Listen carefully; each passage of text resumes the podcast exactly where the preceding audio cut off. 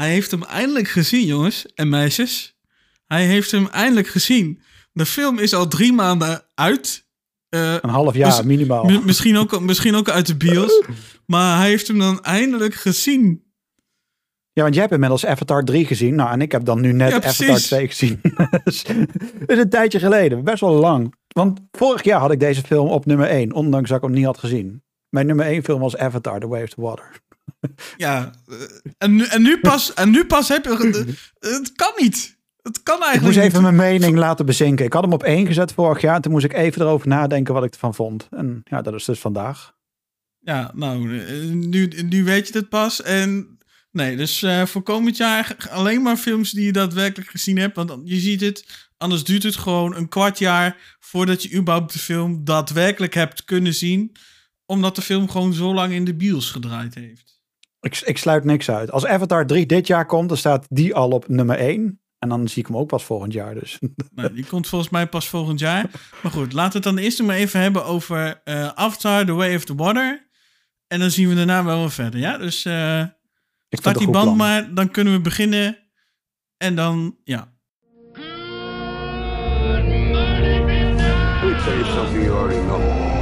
I see dead. You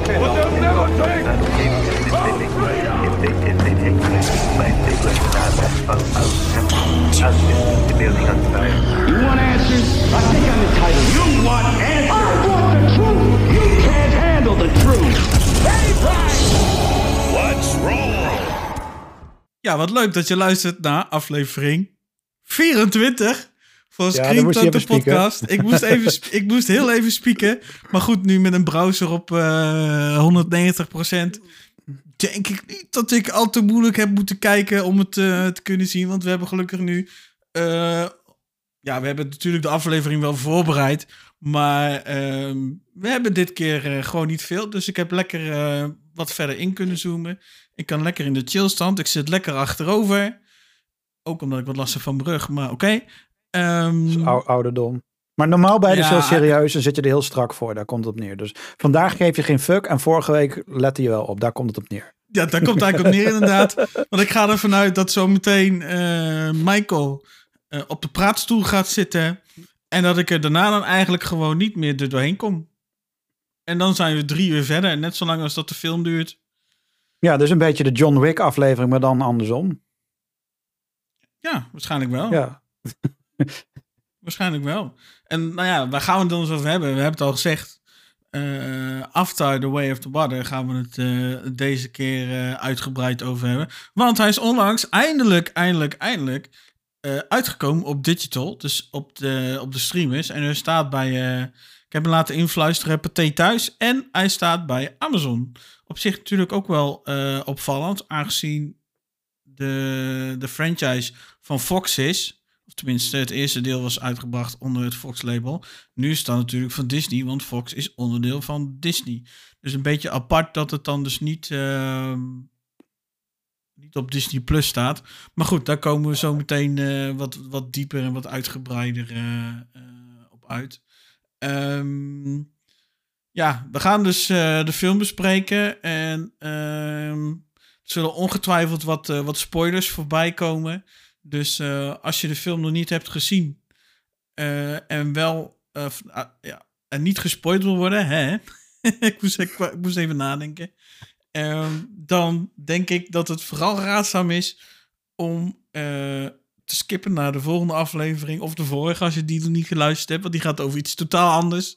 Dus, ehm, dus, dus dat maar, ehm, maar, ik zeg dan wel heel eerlijk, ook al spoilen we alles, het maakt echt geen flikker uit of ik het einde vertel of niet. En het maakt geen flikker uit of je het wel of niet weet, want verhaal, dat weten we inmiddels, daar kijk je deze film niet voor. Dus, het maakt eigenlijk niet uit, toch? Laten we eerlijk zijn. Nou ja, het verhaal... Is er iets waarvan je denkt, als ik dat had geweten, dan had ik deze film niet willen zien? Nee, dat heb ik zeker niet. Maar maar, en dan zal ik vast een tipje van de sluier lichten. Ik vond wel dat het verhaal van deel 2 beter is dan van deel 1. Oké. Oké, nou dan houden we die even vast voor straks. Ik ben benieuwd, want jij bent namelijk de verhaalman. We kennen jou als uh, de verhalende filmkijker John Wick. uh, hè, hard, ja, kijken voor het verhaal.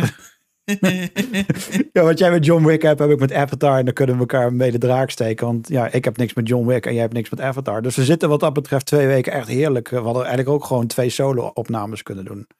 Had ook gekund. Maar dat maakt niet uit.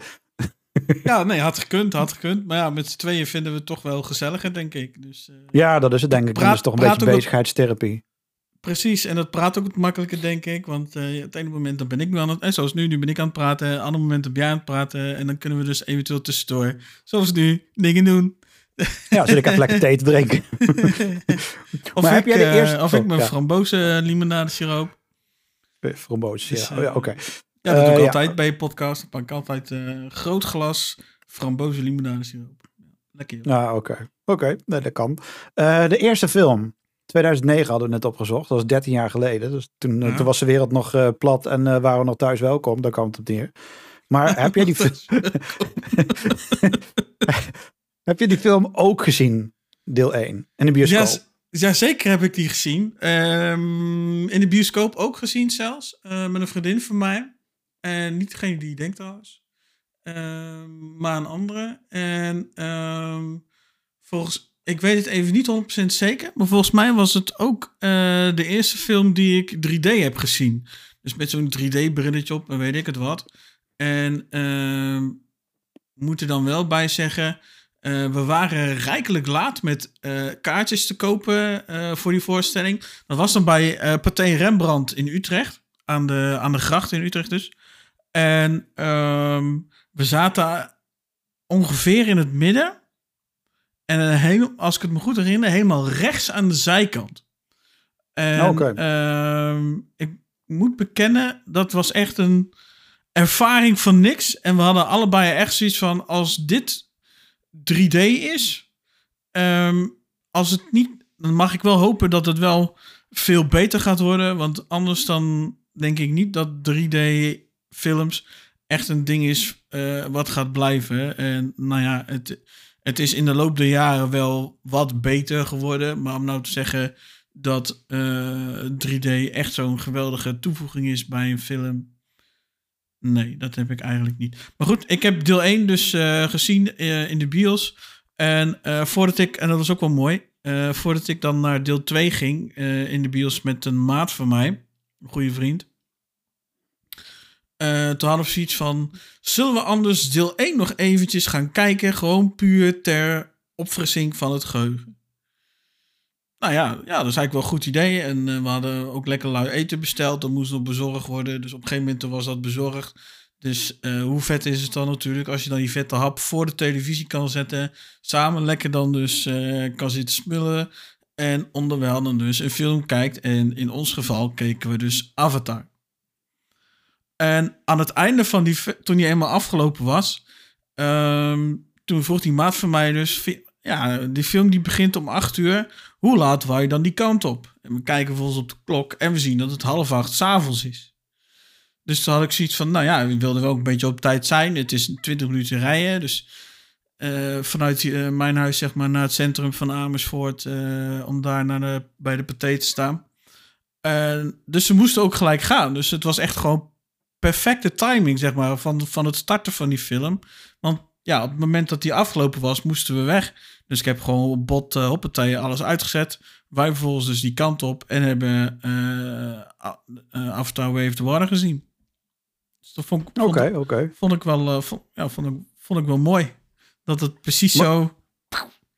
Maar ik vind het wel grappig dat je zegt, mijn verhaal is echt het complete tegenovergestelde het was inderdaad het toffe aan Avatar. Uh, de eerste versie was natuurlijk van oké, er wordt 3D. Uh, eh, en wij hadden thuis ook zo'n Samsung 3D TV met een bril. En dan kon je de 3D filter aanzetten en dan werd de film ver 3D'd en dan leek het 3D. En elk, het maakt niet uit wat ik opzette. Je kon alles in 3D zien. Jan de Hoop zag ik ochtends in 3D bij wijze van spreken. Dat kon, want die, die filter zat op. dus ik vond het best wel cool. En daarvoor hadden we natuurlijk het ouderwetse 3D met die twee klaasjes. Uh, wat was het? Uh, rood en groen of zo? Rood, ja, rood-blauw, rood-groen. Rood-blauw, ja. rood-blauw. Nou, dat was echt voorkomen kut met peren. Dat, dat, dat zat voor gemeten, dat keek voor gemeten. Maar oké, we hadden een 3D-effectje. Dus ik had zoiets van, oké, eh, bioscoop, 3D. Ehm, het nadeel is, ik heb al een bril op Marses. Dus dan, om dan nog een bril op te zetten, eh, ja, is het wel handig. Dus we gingen uh, toen naar de Rembrandt Theater hier in Arnhem. Want we hadden nog geen paté. En dan kocht je dan een bril, want je moest er een bril bij kopen. Moest je geloof ik 1 euro zo bij betalen, weet ik veel. Dat is nog steeds hoor, 1 euro. Ja, is het nog steeds, ja. ja. Nou, opgezet.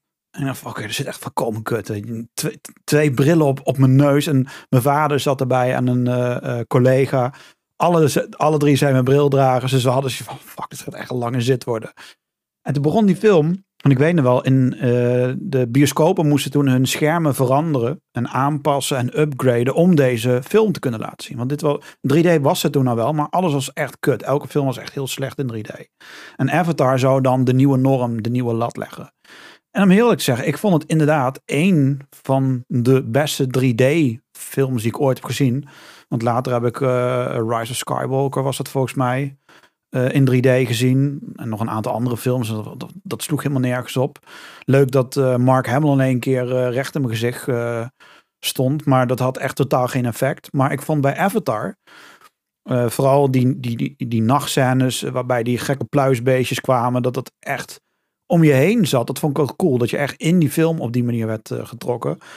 desalniettemin was echt een hel om als brildrager dat te doen. Dus we hebben eigenlijk zo min mogelijk films daarna in 3D. Het enige nadeel was dat, dat elke film daarna in 3D uitgezonden werd in de bioscoop.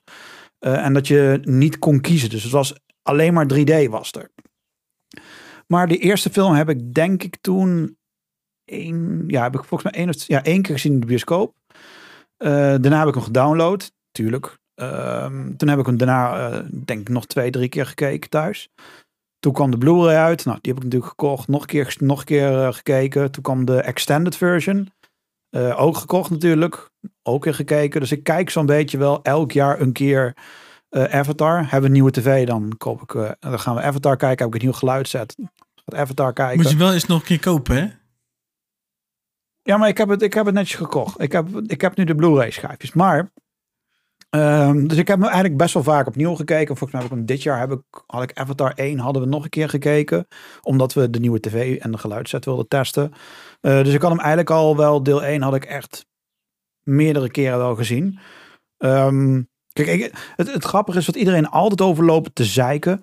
En ik noem het echt zeiken. Er zit geen verhaal in. Ja, een kut. dat zit, sorry dat ik ja, nou even onderbreek. Dat zit er toch ook niet? Nee, maar dat hoeft toch ook niet? Hoeft ook niet, toch? Ik, ik snap, het grappige is, ik snap niet dat die nadruk elke keer daarop wordt gelegd. Terwijl er zoveel andere films zijn waar geen verhaal in zit. Of waar het verhaal niet eens aangeraakt wordt terwijl er wel een verhaal aan zit. En dan knipoog ik met mijn half Mongolen oog, die een beetje dik zit, naar John Wick. Daar zit ook niet, daar zit wel een, er is een verhaal, maar die komt ook niet naar voren. Het is gewoon een platte actiefilm. En dan denk ik van met Avatar is de hele tijd het geneuzel van oké, hoe, hoe kan ik eh, deze film toch, uh, toch gaan afkraken? Want de film is gewoon fucking en echt super tof, die eerste film. Geluid, beeld, alles. Maar hoe, wat kan ik verzinnen om deze... Er zit geen verhaal in. Nou en, dan ga je naar de Bruna. Bruna.com, Bruna.nl, klik je in, boek. Lord of the Rings, die, die koop je, alle drie.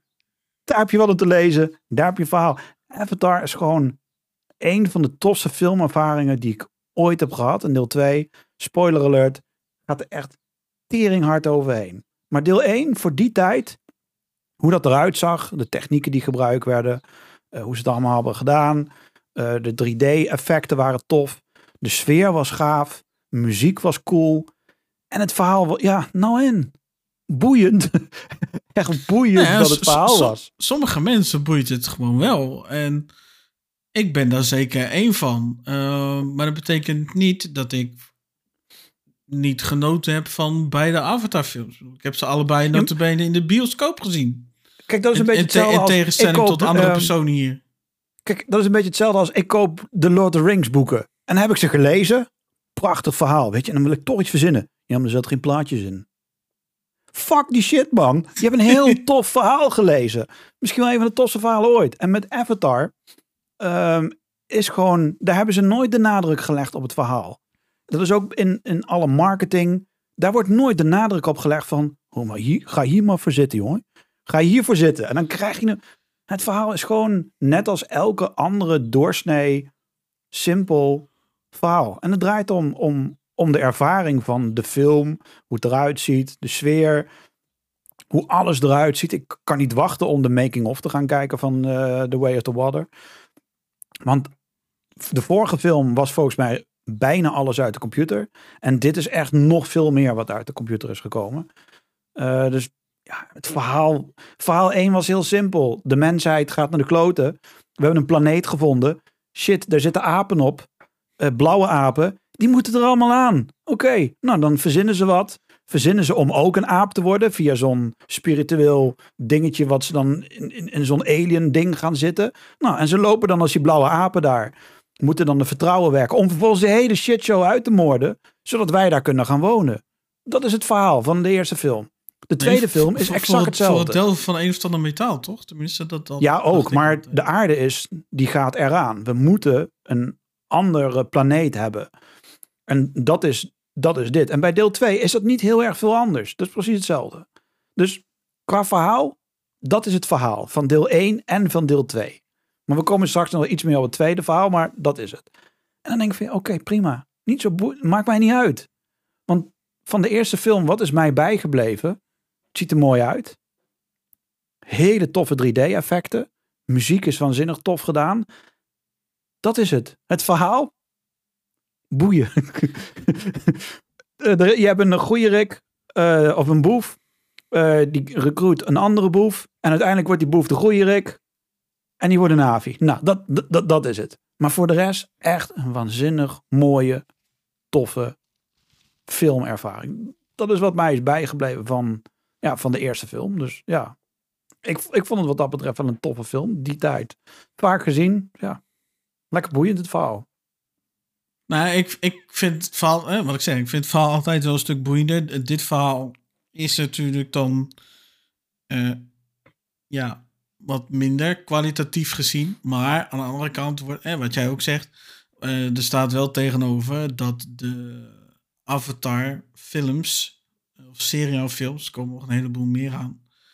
Uh, dat die het wel vooral van het visuele en het audiovisuele aspect moeten hebben. Dus van de, zowel de audio als de, als de video, daar moeten zij het van hebben.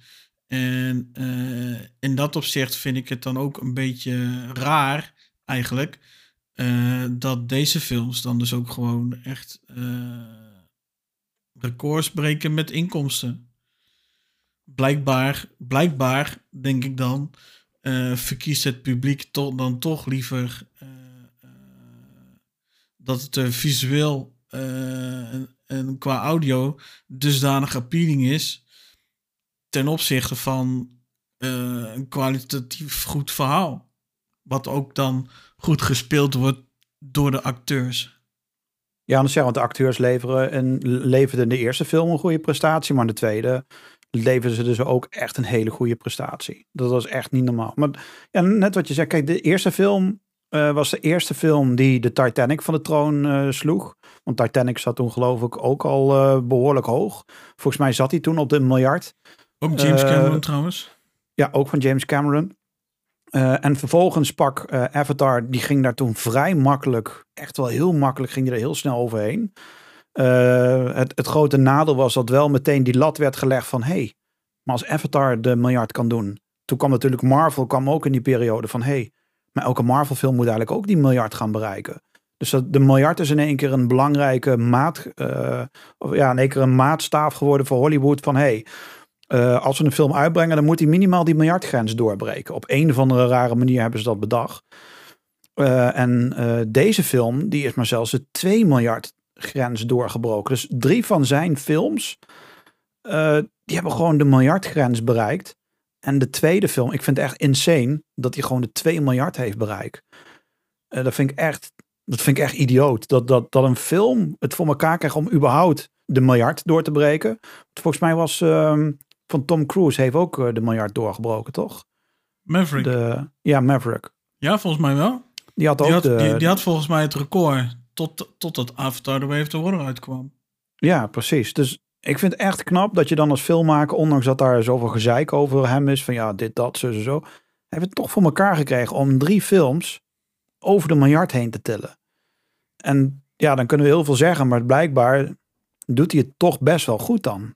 Dat, dat hij dat voor elkaar heeft. Want er zijn weinig filmmakers die het voor elkaar krijgen om de miljard te breken. En laat staan dat je drie films hebt die even de, de miljard breken.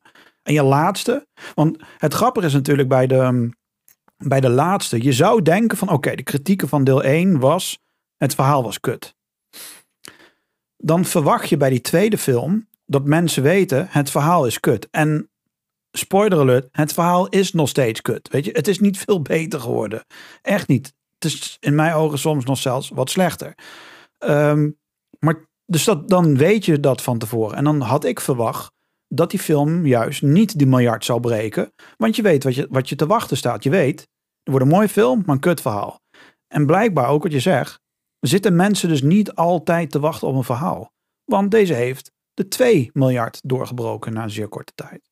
Dus blijkbaar maakt het niet zo heel erg veel uit. Want Maverick is juist wel een verhalende film. En Avatar is een niet verhalende film. En toch hebben ze allebei de miljard doorgebroken. Dus maakt geen bal uit als je maar een toffe film weet neer te zetten. En dat heeft Cameron met uh, deze film. Want kijk, jou, jouw kritiek is natuurlijk altijd. Uh, ja, ik uh, vind het verhaal niks van de eerste. Maar jou, dat, dat vond je nog steeds. Wat waren dan je verwachtingen bij die tweede film? Had je zoiets van: ik moet mijn verwachtingen bijwerken. Ik neem wel, uh, weet je, zo'n zo'n kinderboekje mee, Maanroos Vis. En dan ga ik tussendoor een beetje lezen. Heb toch een beetje verhaal. En ik kan ondertussen met een schiloog naar het scherm. Wat waren jouw verwachtingen voor die tweede film? Nou ja, mijn verwachtingen voor de tweede film was dat het qua verhaal uh, niet zo heel veel kon zijn. Dus qua verhaal had ik echt, had ik echt de verwachtingen eigenlijk uh, op nul, zal ik maar even zeggen daar had ik echt verder niks bijzonders bij. Maar ik was, ik was zelf wel heel erg benieuwd naar.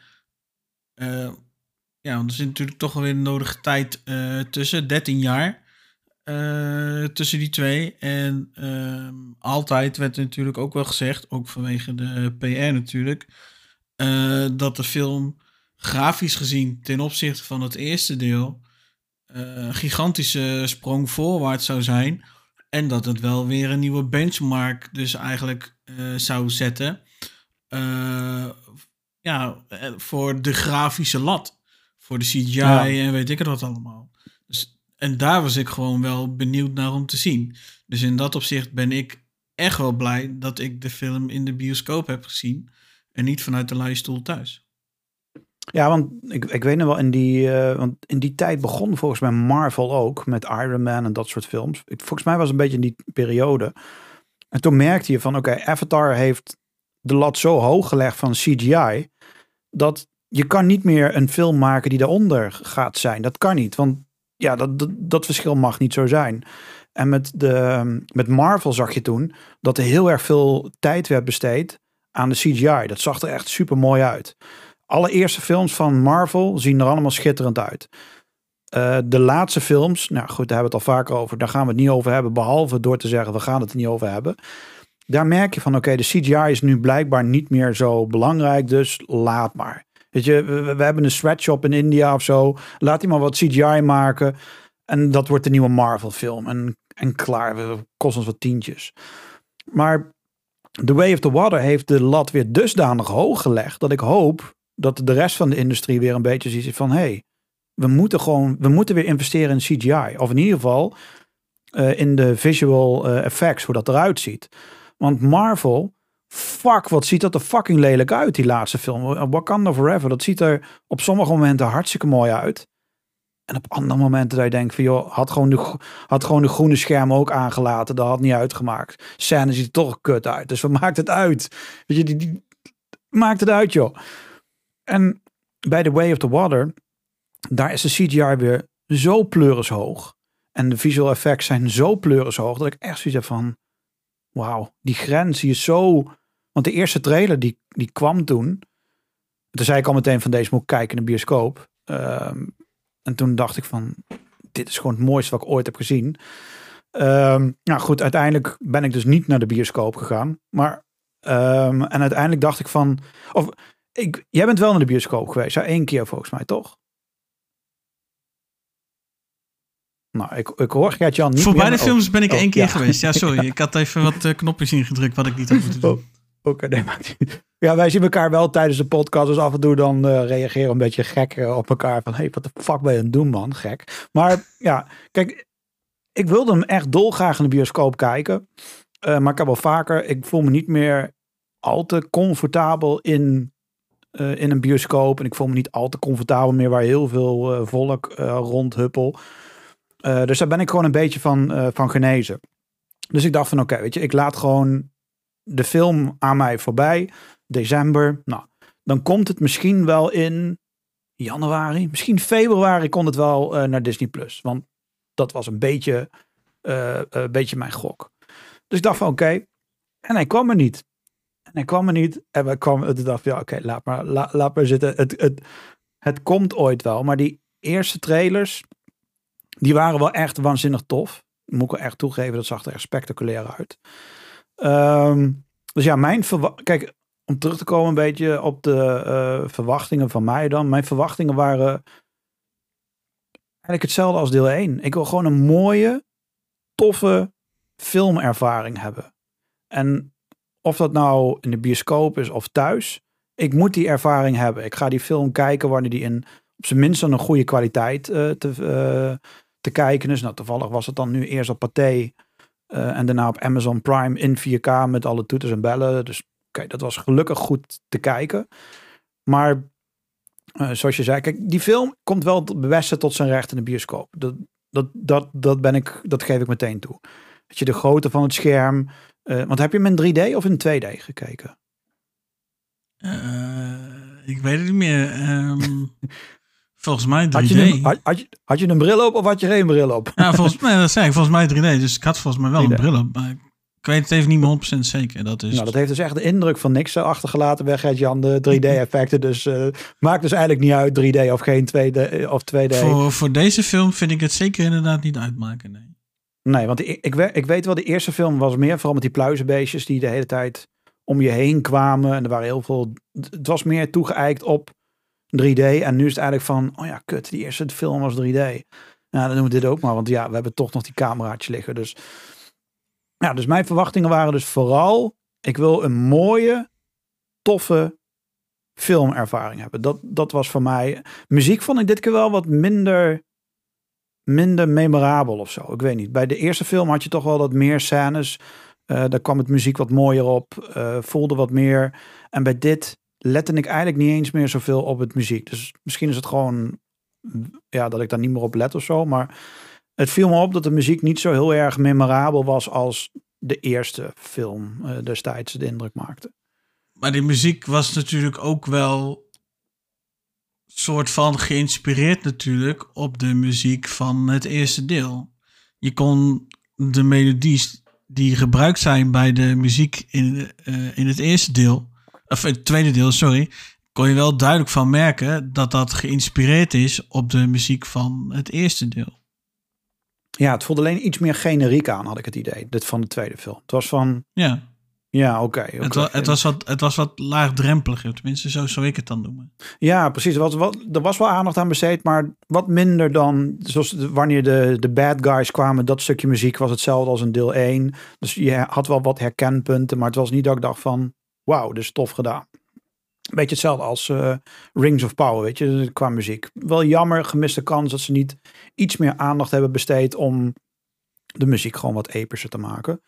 Ehm nou, dat was in ieder geval mijn eh, verwachting. Dus eh, laten we, laten we van de hak op de tak eh, vliegen naar eh, de, de dieptegeneuzel van de film. Heb diepte geneuzen van Ja, de film. want wat, wat vond jij van de PR? Want de PR was echt niet normaal. Het, het is nog net niet dat James Cameron hier aan de deurbel ging en mij een pamflet gaf en zei: ga naar die film. Want de PR van deze film was zien. echt. Ja, alsjeblieft. Alsjeblieft, doe het. want de PR was echt idioot veel. Het was echt overal van Avatar The Way of Water. Dat was niet normaal. Ja, je, je kan er moeilijk omheen gelopen hebben inderdaad in die periode. Eh, het was echt best enorm uitgebreid. Maar ja, uh, het was Disney natuurlijk ook om een heleboel gelegen natuurlijk. Hè? Moet je ook niet vergeten. Ja, want de lat, 2 miljard. Ze moesten geloof ik, uh, wat was het, 1 miljard binnenhalen, minimaal. Maar ze moesten 2 miljard pakken om uiteindelijk winstgevend te worden. Want het is natuurlijk zo dat alle apparatuur, alles is natuurlijk voor de, voor de Avatar-reeks geïnvesteerd. Dus als ze dat er niet uitkrijgen, dan werd deel 2 ook niet gemaakt. Uh, dus zodra ze de 2 miljard hadden bereikt, dan ging deel 2 gemaakt worden, want dan was het rendabel om dan uiteindelijk de rest van de filmserie uh, op te gaan zetten. Want ja, ze hebben de techniek nu in huis. Dus de volgende film zal visueel gezien minder indrukwekkend gaan worden als de 2009 naar deze versie. Ja, maar dus, aan de andere kant is dat natuurlijk ook niet zo raar. Want ik geloof nee, dat uh, Avatar 3 komt geloof ik volgend jaar of zo wel uit. Dus het is op zich niet zo heel raar dat, dat het dan grafisch of visueel op visueel aspect niet veel grote sprongen gaat maken. Daar heb je gewoon nee, maar tijd ik bedoel het ook niet gelukkig als een minpunt of zo. Hoor. Maar het is meer van, dat is wel nou, ik, la, laat, ik het, laat ik het zo zeggen. Uh, is misschien ook een beetje een deel gelijk van mijn conclusie. Um, ik vind uh, een filmserie als Avatar op zich helemaal niet slecht. Uh, verhaal, uh, verhaalgedoe aside. laat ik dat dan wel even erbij zeggen. voor Avatar ga je gewoon voor hele andere dingen naar de film. Het visuele aspect, het audiogedeelte. En als dan dus zo'n film zo snel al opgevolgd wordt door de volgende, dan wordt het gewoon uh, legbatterij, bij wijze van spreken.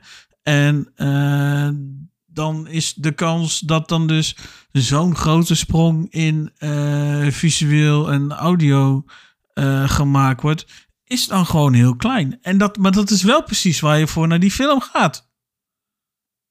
Ja, maar ik, daarom ben ik benieuwd of Avatar 3 ook weer de miljard gaat bereiken. Of de 2 miljard, of de 2,5 of de 3 miljard. Daar ben ik echt benieuwd naar op welke grens die gaat doorbreken. Ik denk dat het handjes knijpen wordt als ze dan de 1 miljard uh, erdoor. Dat denk ik inderdaad ook, ja. Dat, denk ik echt wel. Want daarvoor zit het echt gewoon. De opvolgende films, die zitten gewoon te dicht op elkaar. Het is wel wat deze film heeft, en dat had uh, Maverick ook een beetje. Maverick was een beetje, of was eigenlijk weer de eerste grote Hollywood blockbuster uh, die uitkwam in de bioscoop. En iedereen kon eindelijk ook weer naar de bioscoop. Waren wel wat andere films daarvoor, maar dit, wel, dit was wel een blockbuster. Dit is echt wel een, een Hollywood bioscoop blockbuster. En ik denk dat Avatar ook nog steeds een beetje in dat vaarwater zat. Van hey, oké, we hebben nu uh, uh, Maverick gehad, maar fuck, nu komt ook nog eens een keer Avatar. Ja, we hebben twee jaar lang mochten we niet naar de bioscoop. En het afgelopen jaar waren er geen films die de moeite waard waren om naar de bioscoop te gaan. Laten we met z'n allen naar Avatar gaan. En blijkbaar is dat geluk, want ja, 2 miljard uh, is best wel. Maar wat ik idioot vond, de film was in uh, december uit. Uh, het is een Disney-productie, Fox. Um, ik had verwacht dat hij vrij snel naar Disney Plus zou komen. En of die nou te huur, te koop, dat maakte mij niet uit. Maar tot op de dag van vandaag staat hij nog steeds niet op Disney Plus. Terwijl Bob Iger loopt te zeiken, de CEO van Disney, ja, de abonnees lopen terug. Ja, gooi dan Gooi dan The Way of the Water, gooi die dan op je, op je eigen streamingdienst. Laat mensen ervoor betalen, maakt niet uit. Maar gooi hem daarop. En dat komt niet. Nou, er was een making-of, was er uh, op Disney Plus. Dus ik klikte hem aan. Was op SD-kwaliteit. SD, dus dat is 27p. Nou, nee, nee. SD, dat is uh, eh, DVD-kwaliteit, dus dat is 480p. Ja, nou dat is nog lager. Nou, daar zit, zat ik dan op het dikke OLED te kijken naar blokkerig beeld om te, te kijken naar hoe... Het was 20 minuten making-of van The Way of the Water. Nou, ik, ik heb nog steeds geen idee waar ik naar heb zitten kijken. Want het was gewoon niet om aan te zien. Het was echt heb je, daar niet, heb je daar niet gewoon één blauwe pixel gezien? Ja, dat zou kunnen zijn. het was echt super slecht. En dan denk ik van, gooi dat dan daarop. En dan nee, dan komt het eerst naar Pathé. Nou, dan zal Pathé wel de rechten hebben in Nederland. Want eerst kwam Pathé en twee dagen later uh, kwam, Amazon, kwam het op Amazon uh, Prime. Nou, dan heb ik het daarop gekeken. Um, super tof, hartstikke mooi. Maar ik denk van, joh, je hebt al 2 miljard verdiend. Ik snap het dat je het nog harder wilt uitmelken. Want het was ook idioot. Want er was een hele reclamecampagne. Pre-order nu de film die je digitaal gaat kopen. En ik snap het feit dat je games pre-ordert van tevoren. Uh, maar dat heeft een reden. A, als ik hem digitaal pre-order de game, dan weet ik dat ik hem op die dag heb dat hij uitkomt. Ga jij de game pre-orderen digitaal, dan wordt die vooraf geïnstalleerd zodat ik op die dag de game kan spelen. Dat begrijp ik allemaal. Maar waarom de fuck ga je een film pre-orderen, van tevoren betalen? Want je kan hem toch nog niet downloaden. Op de dag dat hij uitkomt, dan klik je hem aan en dan wordt hij gewoon gestreamd naar je, naar, naar je tv. Het is niet dat hij in één keer wordt klaargezet voor jou, dat je hem gaat downloaden. En dat vond ik een, een heel raar iets. En wat ik een beetje merkte was dat Disney nu aan het uitproberen is van hoe werkt dit? Trappen die gekke ezels, trappen die daarin? Trappen al die schapen erin om dan die film te gaan pre-orderen? Want ik wil op dag 1 die film kunnen zien. Maakt er geen kut uit, want die film wordt toch gestreamd. Dus of ik hem nou nu koop op de dag van, of ik koop hem een paar dagen eerder, die stream wordt toch gestart op het moment dat ik op het knopje druk. Met een game is dat heel anders. Maar met een film ja, zijn ze blijkbaar een beetje aan het experimenteren van... Ja, trappen ze erin. En deze idioot die trapte erin. Want ik zat 28 maart gewoon de hele dag op allerlei browsers te kijken van... Is hij er al tv aan? Staat hij al in Amazon? Nee, staat er ook niet. Staat, ja, nee, ook niet. En toen kwamen we vier dagen later achter dat het eigenlijk pas alleen in Amerika 28 maart beschikbaar was. Maar ze deden in een campagne alsof het er nu al was. Dus alle reacties, ja, wanneer komt het in India? Wanneer komt hier? Wanneer komt daar? En ik dacht van ja, fuck die shit, waar zijn we mee bezig? En toen in één keer kwam het dan uh, afgelopen week, 4 april, 4 of 5 april, weet ik veel. Kwam het in één keer op Pathé, uit het niets. Gewoon ook geen nieuwsbrief, want ik ben uh, geabonneerd op uh, de nieuwsbrief van Pathé. Dan zou je verwachten dat je een nieuwsbrief krijgt van, hey, let op. Die dag, hou hem vrij. Want Avatar komt uit. Nee, krijg ik een of andere nieuwsbrief over een paar kutfilms die draaien. Ik denk, ja, dus het voelde heel knullig aan op het laatste moment van het uh, video on demand geneuzen van ja, wanneer komt hij nu uit? Dus dat vond ik echt heel erg kut hoe dat in elkaar zat. Um, en nu zitten te wachten op wanneer komt dan de disc versie, de 4K uitvoering, in ieder geval van de eerste film. Want de eerste film, die is vorig jaar voor de, de, The Way of the Water uitgebracht in 4K eenmalig in de bioscoop. Dus die moet ook nog opnieuw gaan uitkomen. Uh, op disc. En dan wanneer de tweede film op disc gaat komen. Ik heb echt geen... Jij, jij zei laatst... Je had ergens gezien dat die 4, 25 april... Ja, dat de geruchten waren dat die zou komen? Uh, geruchten, ja, de geruchten zijn dat het eind april uit zou komen. Maar dat heeft alles mee te maken uh, met de tijd die dan zit tussen de digital release en de physical release. Hmm. Meestal, oh, dan komt hij dus eerst in Amerika uit en dan in de rest. Ja, meestal komt dan de physical release een maand na de digital release. Ja, ja, precies. En wanneer de digital release dan is, dat verschilt dus. Dat hangt dus af van hoe succesvol de film dus is in de bioscoop. In principe ja, uh, is tegenwoordig wel weer de strategie dus weer gewoon de oude. Uh, een film draait in de bioscoop zolang hij een succes is. En uh, zolang dat men dus ziet dat er nog baat is om de film dus te laten draaien in de bioscoop. Ja, precies. Als dat allemaal eenmaal weg is, dan komt zo, nou, zoveel weken daarna, komt dan de film op digital, dus op de streamers. Om het maar even kort voor de kont te zeggen. En dan is meestal een maand later komt dan ook de physical release. Dus de DVD, de Blu-rays en weet ik het wat allemaal. En op basis van die ervaringen, zeg maar, is dan dus nu het gerucht dat eind april, vanaf zo ongeveer 23 april, dan komt, uh, als het goed is, oh, of zou dus, is dus de verwachting dat dan dus The Way of Water uh, ook uitkomt op Blu-ray en DVD. Ja, precies. Ja, dus ik, ik, ja, het is gewoon idioot dat het zo lang duurt. Um, ja, dus je moet gewoon elke dag lekker op een fijn drukken, want je bent te lui om het te automatiseren. Nee, oh nee, dat heeft niks te maken met lui. Ik vind het juist een, ik vind het juist een heerlijke sport om gewoon een beetje te struinen in plaats van. Eh, de verrassing is vaak leuker. Dat was ook met House of Dragon. Ik was er gewoon door die lijst van bol.com aan, aan het speuren en niks. In de middag niks. S'avonds na 12 uur. Ik keek en denk, fuck, House of Dragon. Die komt volgende maand. Wat? Dus over drie weken. En toen heb ik hem meteen in de, in de dingen gegooid, in het winkelmandje. Heb ik hem meteen betaald en gekocht. want en toen, daarna was hij uitgeschoven. Dat maakt niet uit. Maar ik vond het gewoon tof om in één keer, ploink, hup, die film komt in één keer. om die in één keer online te zien in de, in de winkel. Dus ik vind, ik vind dat nog steeds een leuke sport. Uh, om als diskverzamelaar een beetje te kijken van oké, waar komt hij dan als eerste? En dan een beetje zoeken en dan zoek je daar weer en dan kom je weer uit daar en denk je, ja, ik heb hem. Fax, geen Nederlandse titeling. Ja, daar heb ik niks aan. Oké, okay, weer verder zoeken. Ik vind het heerlijk. en dat heb ik met Avatar ook. Ik zit gewoon te wachten tot hij in één keer in die app omhoog plopt. En dan als eerste komt altijd de DVD-versie, want Bol is het eerste DVD erin. begrijp niet waarom dat nog steeds een ding is, maar oké. Uh, dan komt eerst de, de DVD en dan ploink komt dan de Blu-ray en dan daarna komt dan ook altijd de 4K versie. Want de Last of Us bijvoorbeeld, die was ook al vrij snel dat die uh, online popte bij uh, bol.com. Dus die staat ook in mijn lijstje van oké, zodra die komt dan, dan komt die. Dus ik vind het nog steeds een leuke, toffe sport. Om gewoon even lekker met een schil ook zo te kijken van oh shit, hij komt al. En dan uh, ploink, dan bestel je hem. Dus ik vind het nog steeds een leuke sport. Heeft, degene die het automatiseert, die is lui. Die is lui. Want die maar daarom automatiseer je het ook. Gemak ja, dient de mens. Dus ja. Ja maar, ja, maar daarom is het grappig dat je mij lui noemt, terwijl je zelf het geautomatiseerd hebt. En ik doe de moeite voor. En jij niet. Bij jou komt een AI die heeft hé hey, Gert-Jan, uh, die film ik heb, ik heb, ik heb niet geautomatiseerd. Ik heb niet geautomatiseerd dat ik films koop, want ik koop geen films. Ik kijk ze gewoon via streamers. Oké, maar waarom heb je het dan geautomatiseerd? Nee, daar gaan we niet, daar gaan we niet, niet over hebben, toch? ja, dat, dat, dat vind ik dan eigenlijk wel apart. Ja, waarom automatisch? Maar dat maakt er niet uit. Maar het, komt, ik zit, ben, heel, ben benieuwd, want ik hoorde van woorden van Ivar dan dat er een andere versie weer gaat komen. Dat ze dan de eerste film uh, weer willen gaan verknippen en weer langer willen maken. En dan dat op disc doen.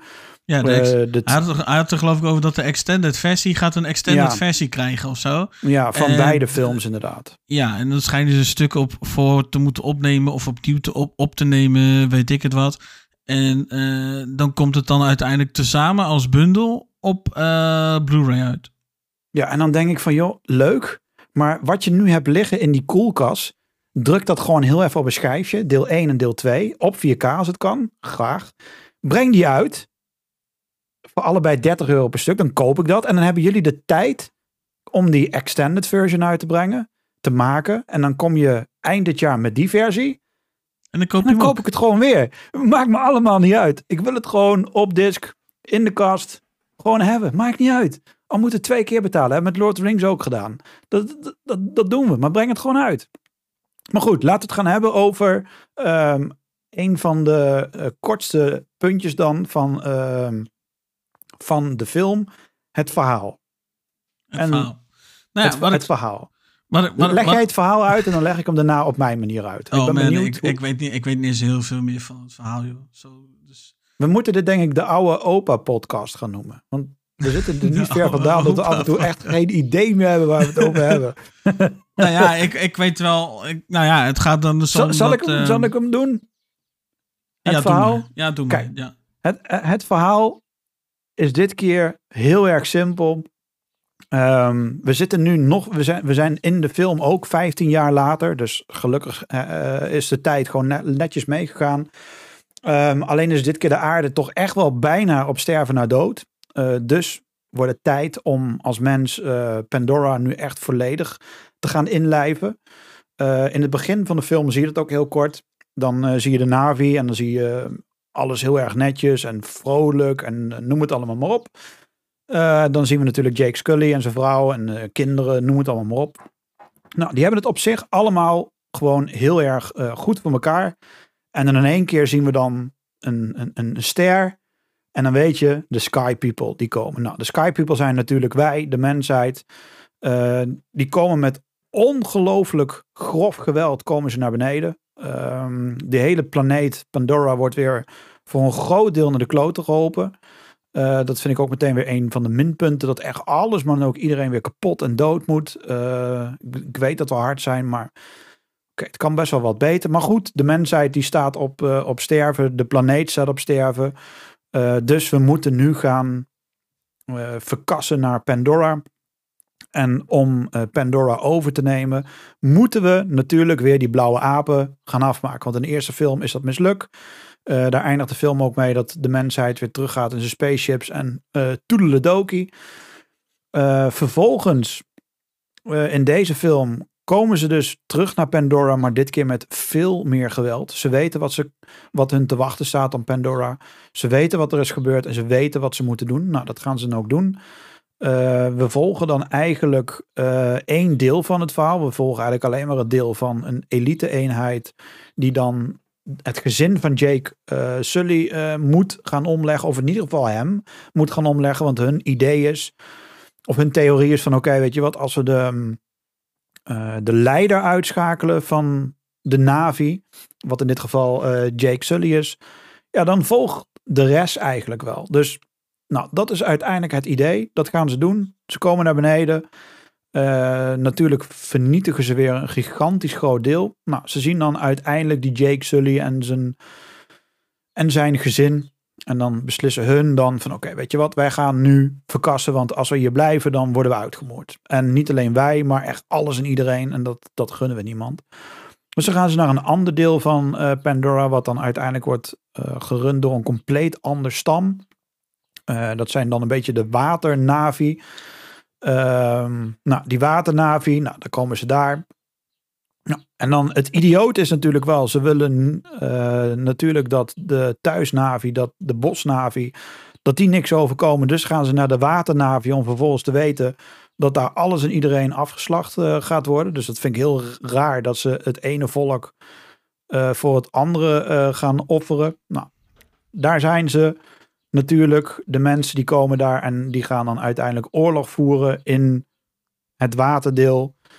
Uh, er zit een aantal kleine twists in, maar dat is geen twist, want je ziet het echt al aankomen. Het wordt zo benadrukt van oké, uh, die uh, oud-kolonel, die is dan nu in één keer een grote smurf.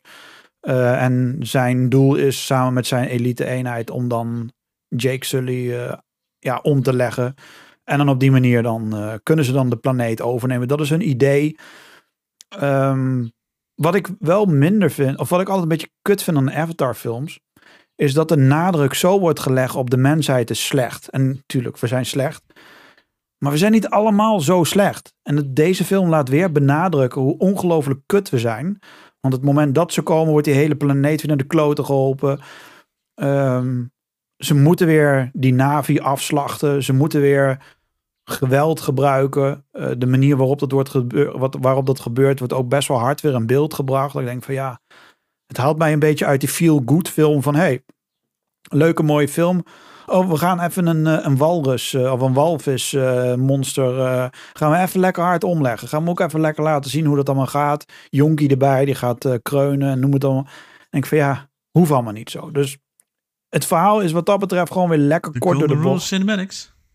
Ja, precies. Dus weet je, het verhaal is wat dat betreft weer kort. Het een wat ik jammer vind aan de keuze, want er lopen meerdere verhaallijnen in de film. En je hebt verhaallijn 1 van we moeten Pandora overnemen. Dus je ziet dat daar de mensheid aan het bouwen is, dat daar een stad wordt gebouwd. Dat is verhaal 1. Verhaal 2 is we moeten dat gele spul hebben, um, zodat we dat kunnen gebruiken, zodat de mensheid eeuwig kan blijven leven. Want dat is het nieuwe goedje wat we nodig hebben. En dan heb je de derde verhaallijn. We hebben een elite uh, team en dat elite team moet Jake Sully gaan uitschakelen, omleggen, zodat we de leider hebben vermoord van de Navi en dan volgt de rest, die gaat dan vanzelf automatisch op zijn knieën. Dat is het idee. En dan gaan ze zich focussen juist op dat laatste. En de andere twee verhaallijnen laten ze dan links liggen. Terwijl ik gewoon af en toe wel had willen zien. Laat wat meer zien van wat zijn we dan aan het bouwen? Hoe komt het eruit te zien? Uh, wat zijn we aan het doen? Want we zien eigenlijk alleen maar weer dat we komen en dat we alles en iedereen afslachten. Maar ik ga er ook vanuit dat de good guys zijn en dat die juist vredelievend aan het proberen zijn op te bouwen en noem het allemaal maar op. Dus dat vind ik raar. Uh, dan heb je dat, dat gele goedje wat dan uh, uit die uh, walrus, walvis, monster wordt getrokken. En dan wordt, wordt een compleet beest geslacht voor alleen dat. En dan wordt dat beest weggeflikkerd van oké, het, het, het, zal allemaal wel. Maar in plaats dat ze dan daar ook weer een beetje een achtergrondverhaal aangeven van kijk, dat je een beetje experimenten zag met mensen bijvoorbeeld, die, die dat spul krijgen, die dan toch oud worden of juist weer niet. Of laat iemand komen die 300 jaar oud is, ik noem maar wat, maar die eruit ziet als 25 waarvan je weet, oh dat spul werkt. Nee, dat wordt dan weggeschoven. Dat, daar wordt dan geen donder mee gedaan. En dan richten we eigenlijk alleen maar weer op een elite team. Die gaat moorden. Die, eh, ja, die dat alleen maar weer continu gaat lopen doen. En dan denk ik van ja, oké.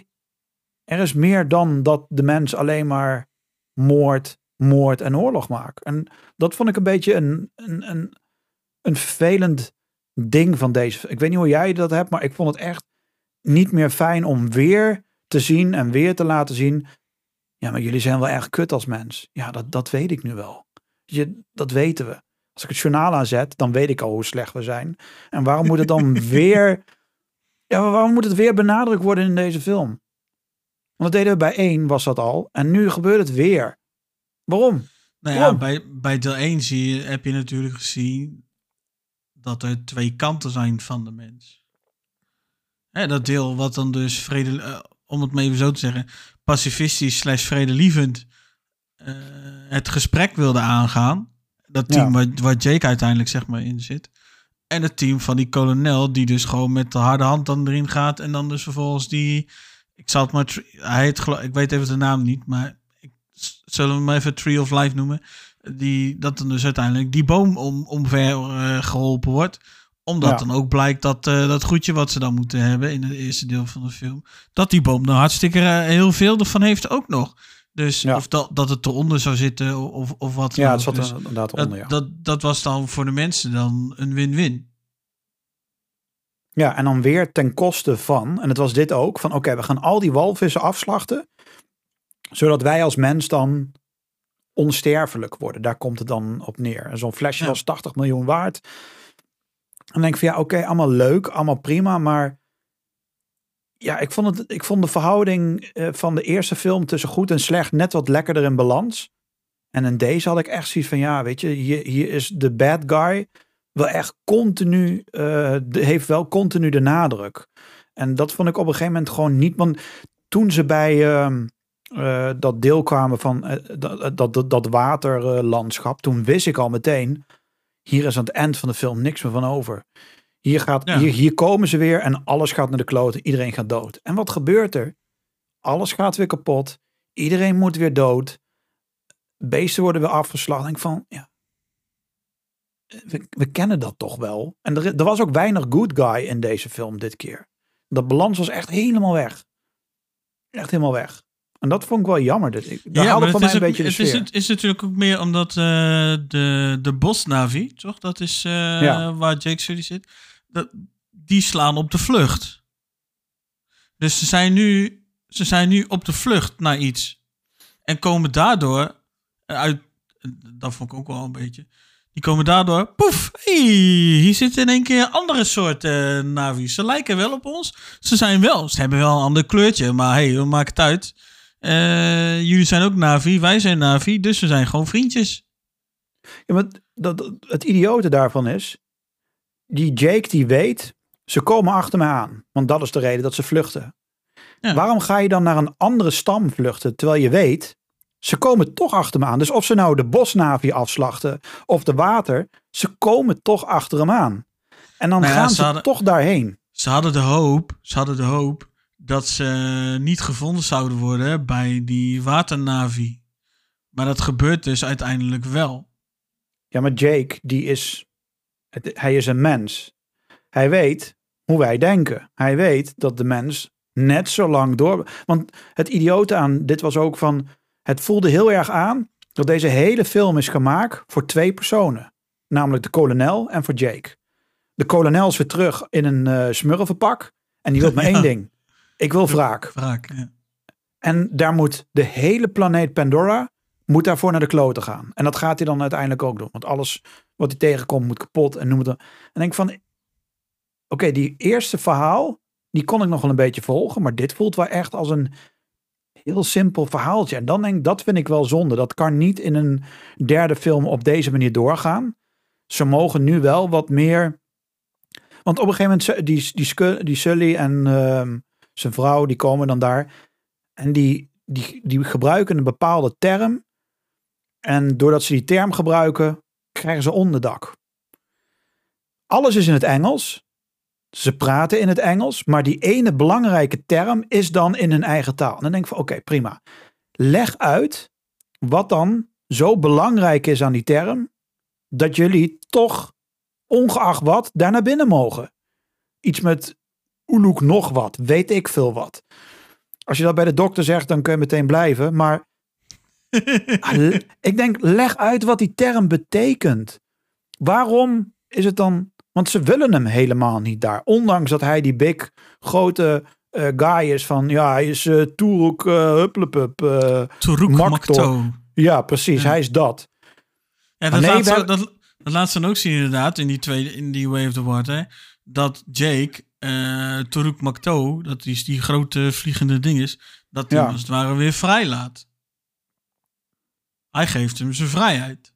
Ja, precies. Dat beest. Maar, Terwijl achteraf blijkt dat eigenlijk gewoon een hele domme fout zijn. Maar oké, dat is even tussendoor. Ja, precies. Dus, maar hij is dan die belangrijke guy. En zelfs daardoor komen ze niet, worden ze niet toegelaten, gebruiken ze een term en mogen ze wel. En het wordt niet uitgelegd van ja, als je die term gebruikt, dan mag je dus blijkbaar wel. En, dan, en zo waren met veel meer dingen dat ik dacht van joh, zoom daar wat meer, had daar wat, zoals dat eerste deel van de film, uh, eigenlijk 15 jaar Avatar, 15 jaar Pandora. Dat ging in een paar minuten voorbij en toen in één keer pats boom, de mensen kwamen, zwart scherm, één jaar later. Ja, precies. En toen dacht ik van, oké, maar fuck, dit is pas 10 minuten. Die film duurt nog, die duurt nog 20 uur. Weet je, dat ik van, wat gaan we die 20 uur nog zien dan? Als ze in deze vijf minuten al 15 jaar Pandora hebben gezien. En dan, ze hebben die, dat balans zo verkeerd gelegd. Van, had gewoon een uur besteed aan het huidige Pandora. Vij, 15 jaar Pandora. Had die kinderen laten opgroeien. Dat je dat mooi had gezien. Uh, hoe... Ja, net als die gast. Uh, ik ben even zijn naam kwijt. Maar met die, die beetje Tarzan-achtige gozer. Oh ja, die Tarzan, die de, ja, ja. Die de hele tijd uh, met dat masker op zit. Omdat hij gewoon mens is. Ja, precies. Die dan dus een beetje tussen wel in het schip eigenlijk in zit. Tussen de Navi en de, en de mensen in. Ja, Spider is dat. Moest even snel Spider, ja. Spider. Wat dan uiteindelijk het zoontje is van uh, de kolonel uiteindelijk. Uh, wat ook een beetje gek in die film wel en niet wordt. Op een of andere manier lijkt het alsof de tijdlijn niet helemaal lekker loopt of zo. Ik weet niet. Ze hebben dan een gat gelaten van 15 jaar. En dat is prima, maar ik had liever gewoon een uur lang dat gat gezien van 15 jaar. Van wat is daar gebeurd? Hoe is die stam verder gegaan? Uh, iets meer van. Je ziet het elke keer maar een beetje snippets, zie een beetje stukjes. Uh, en dan daarna moeten ze daar weg. En dan snap ik, de film heet The Way of the Water. Dus het draait om dat. Maar die film duurt toch 20 uur. Wat maakt het dan uit? Als je dan één uur uh, van dat gebruikt en 19 uur naar het water zit te kijken. Dat maakt niet uit. En in dit geval dat drie uur, dus drie uur en twintig minuten. Dus had dan gewoon een uur besteed aan 15 jaar Pandora. En op zijn minst ook een beetje, uh, niet dan in één keer zwart beeld en een jaar later. Want in, na, na dat stuk had ik oké, maar wat, wat, wat doen we dan hier? Wel, want we waren er al een keer geweest, zijn verslagen. Waarom heeft het zo lang geduurd dat wij als mens 15 jaar hebben gewacht om dan uiteindelijk naar Pandora opnieuw te gaan. 15 jaar.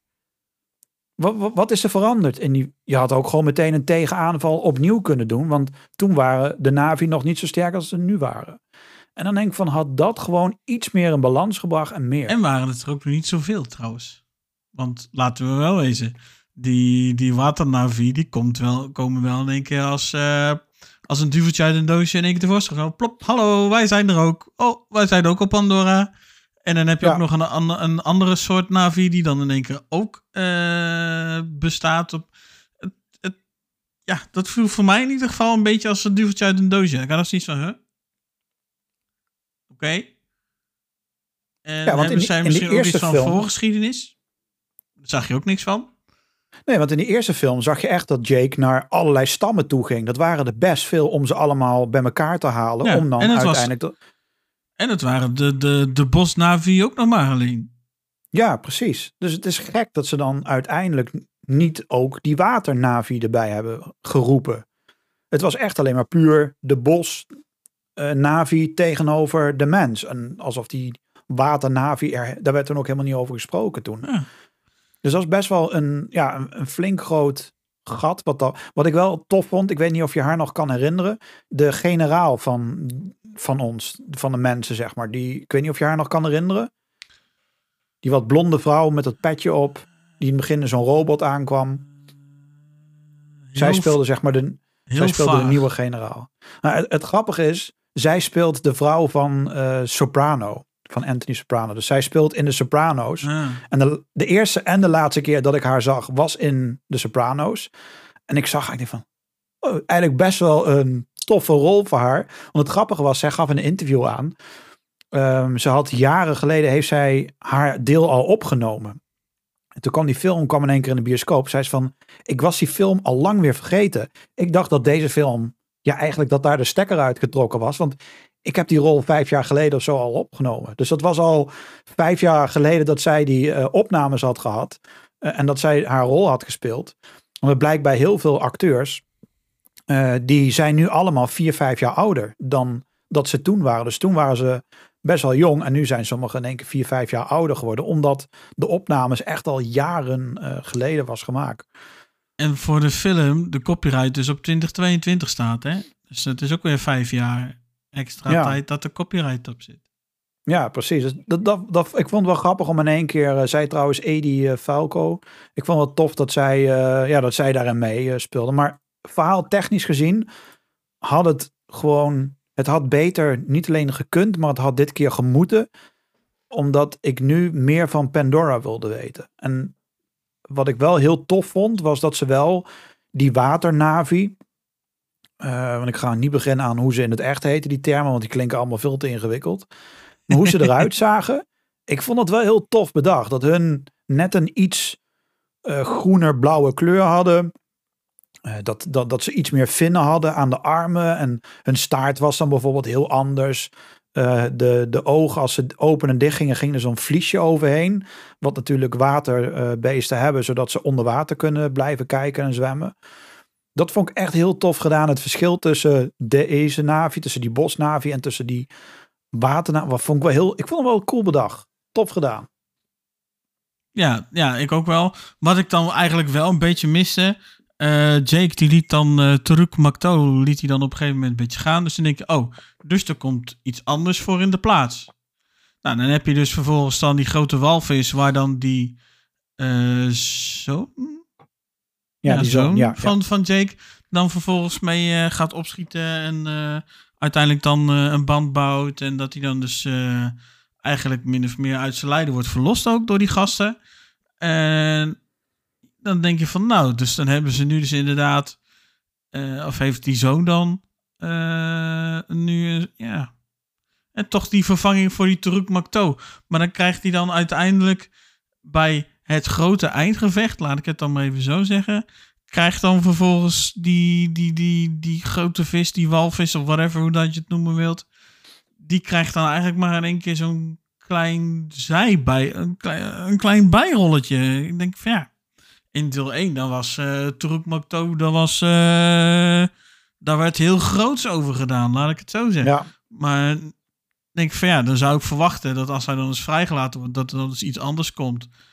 Wat er eventueel een schepje er bovenop doet. Nou, dat gebeurt dan ook, fysiek ook, want die vis die is een heel stuk groter, zeg maar, dan Makto. En dan komt het vervolgens niet uit de verf.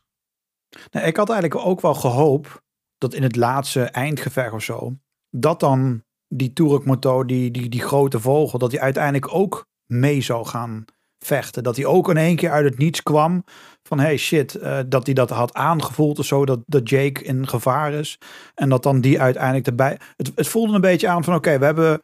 We nemen gewoon afscheid van de oude Avatar. Die, uh, die heb je gezien, maar we hebben daar helemaal geen band meer mee. Het is gewoon klaar. Want ze gingen van uh, de bos over dan naar het water. Maar het gevaar was dan wel redelijk nu geweken, maar ze gingen niet meer terug.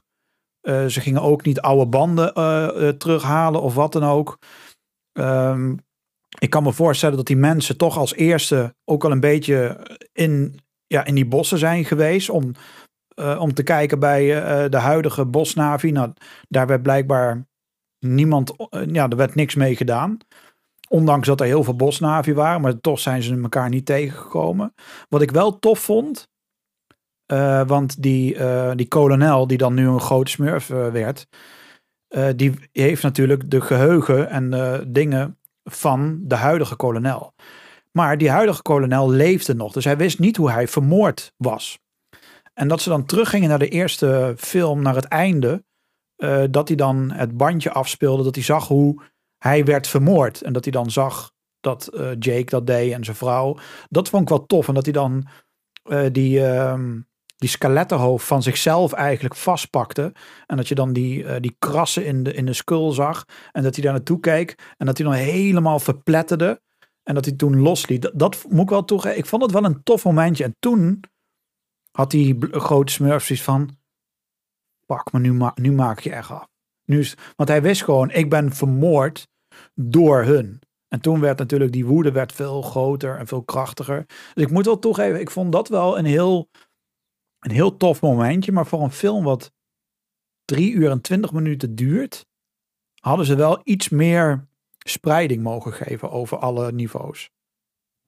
En dat vond ik wel, dat vond ik dit keer echt een gemiste kans.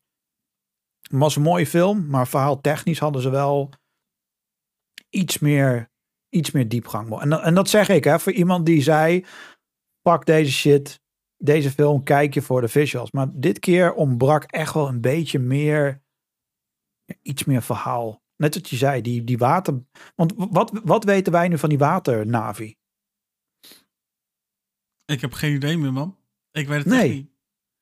Want zijn, waren ze er al uh, in de eerste film, in die periode? Waren ze er wel, waren ze niet? Waarom waren ze er Als ze er niet, waren, als ze er niet waren, hoe zijn ze dan ontstaan? En hoe kan het dan in 15 jaar zo snel ontstaan zijn? Ja, en ook nog een keer, ik weet niet of je dat is opgevallen, maar in het begin, wanneer Jake daar komt, dan komen die stam, uh, vader en moeder, die komen dan, die man en vrouw. Maar zij is nog niet zwanger, want je ziet haar nog geen uh, buik. En in één keer, een paar minuten later, wat misschien een half uur, drie, zie je in één keer dat zij zwanger is. Dus dan, maar in de film is dat maar een paar minuten. Maar blijkbaar is of in die film misschien wel een paar maanden al verstreken, of is dat hele cyclus bij hun heel anders dan bij ons bijvoorbeeld als mens, hoe dat in elkaar zit. Dat het gewoon bij ons duurt negen maanden of zo, en dan komt er een kind uit, hoop je, uh, en dan gaat hij vervelend lopen doen. Maar in deze film was het in één keer van, oké, die is zwanger. Maar hoe lang is dat dan? Hoeveel tijdsperiode, wat is de tijdspanne tussen het moment dat Jake daar komt uh, en het einde van de film? Ook dat, ik heb geen idee. Kan weken zijn, kan maanden zijn, jaren. Ik, maar ik heb, heb jij een idee? Nee. Nee hè? Maar ik moet wel zeggen, ik snap wat je zegt, maar dat was aan de andere kant, was dat ook niet een belangrijk, een belangrijk dingetje. Het is wel een stukje relativering, waarvoor het wel handig is inderdaad, voor in dat stukje waarin ze dan dus die 15 jaar even gauw overslaan. Ja, precies. Want kijk, het enige waar je het dan een beetje aan kon zien, was dat Spider niet ouder is geworden. Dus dat betekent niet dat er een paar jaar is verstreken. Uh, hoogstens een paar weken. Maar ik had gewoon liever een beetje geweten van... Oké, maar hoe lang hoe lang zijn ze nu al bij die waternavi? Hoe lang zijn ze daar nu al bezig? Wat zijn ze daar aan? Ja, dat was gewoon een beetje jammer. Was gewoon zonde. Ehm, ik weet niet of het uh, bewust is gedaan in de film of niet. Maar ik vond het. Je had natuurlijk twee zoons. En één zoon trok natuurlijk meteen naar dat meisje toe. Maar die andere, die knipoogde eigenlijk meer. Die flirte meer met een mannelijke navi. Ik weet niet of je dat is opgevallen, maar dat was vrij snel dat die uh, knipoog er een beetje was. Van oké, de ene zoon die trekt eigenlijk naar de vrouw en de andere trekt eigenlijk meer naar de man. En dat vind ik niet erg als dat gebeurt. En normaal uh, zeggen dan ja, dat is woke. Maar in dit geval durfden ze blijkbaar niet de stap te maken dat de andere zoon uiteindelijk gewoon een homo-navi zou zijn. En dan denk ik van joh, in elke film doen we het tegenwoordig. Waarom doen we het dan niet in, in Avatar? Want je merkt duidelijk, want het moment dat hun daar komen, dan zie je die twee jongens naast elkaar staan. En de ene maakt eigenlijk meteen contact met dat meisje. En die andere broer, die doet eigenlijk meteen een tik van, hey, kijk. Zeg, terwijl als je twee broers hebt en je ziet daar een mooie vrouw, dan vecht je eigenlijk met z'n tweeën om die ene. Dus je wist al, hij valt niet op vrouwen. En later zitten ze bij elkaar en dan, uh, dan legt zij de hand bij hem op de, op de buik en hij ademt dan. En dan switchen ze heel even naar die broer. En die broer maakt dan weer oogcontact met die andere mannelijke Navi. En dan denk ik van joh, als je dan, doe dat dan ook in de film. Maakt niet uit. We zitten toch in die tijdperk dat uh, alles en iedereen het met elkaar uh, wel of niet doet. Waarom, dan, waarom durven ze dat dan? Want in deze film had het gewoon makkelijk gekund. Maar dan durven ze dan blijkbaar toch niet die stap te... Ik weet niet of jou dat is opgevallen, maar... Nou, niet, niet zo 1, 2, 3. Ja, ik moet wel zeggen, het is wel even geleden. En ik heb niet even alles, uh, alles even helder op mijn netvlies nog staan. Dus ik weet even niet of ik, dat, of ik die dingen dan ook gezien heb. Maar voor zover ik nu in ieder geval kan beoordelen, zou ik zeggen dat wat je nu vertelt, dat dat mij niet was opgevallen. Oké, nou het viel me meteen op en dan denk ik van ja, had doorgepakt. Had dan gewoon de ene zoon met, uh, met het meisje en de andere zoon met die jongen. Had het gewoon gedaan, klaar, prima, niks mee aan de hand. Uh, maar op een of andere manier durfden ze blijkbaar niet uh, die stap te maken met Avatar. Ik heb er ook op het internet nog niks over gelezen. Dus ik zal heel even gaan kijken of ik het überhaupt wel goed heb gevolgd. Maar ja, je, je merkte een beetje dat er een soort van gezonde spanning was tussen de ene zoon en een andere mannelijke uh, Navi. Dan denk ik van ja, had het dan nou ja, als, zo moeilijk gedaan. Als, als er online verder ook nog niet veel over te vinden is, dan zou ik zeggen, uh, begin er dan iets over. Noem de, noem de podcast. En dan hebben we misschien ook gelijk ja, uh, dat zou, dat een viral aflevering voor onze, voor onze podcast. Dan hebben we misschien ook weer nieuwe, nieuwe, nieuwe luisteraars erbij. Dat zou natuurlijk ook wel tof zijn. Even, even, even tussendoor. Kijk, en wat me ook opviel is dat de waternavi blijkbaar nog nooit hadden gevochten. Want op een gegeven moment kwam die... Ja, dat uh, hebben ze wel. Ja, maar nou, ik bedoel gewoon onder, onder elkaar. Want die jongen, die zoon, die kwam op een gegeven moment... Want dat, dat, dat, dat zusje van hem werd geplaagd. Van ja, een freak, dit en dat. En toen liep die ene uh, jongen, die broer, liep naar die andere gast toe. En toen deed hij, kijk wat ik kan met mijn hand. Dan deed hij zo zijn vingers bij elkaar. En toen deed hij een vuist. En toen gaf hij hem echt gewoon een beuk, jongen. En toen ging, ging hij verder met die vuist. En die andere waternavi, die stonden van, wat de fuck doet hij dan? En toen gingen ze met hun staart gingen ze slaan.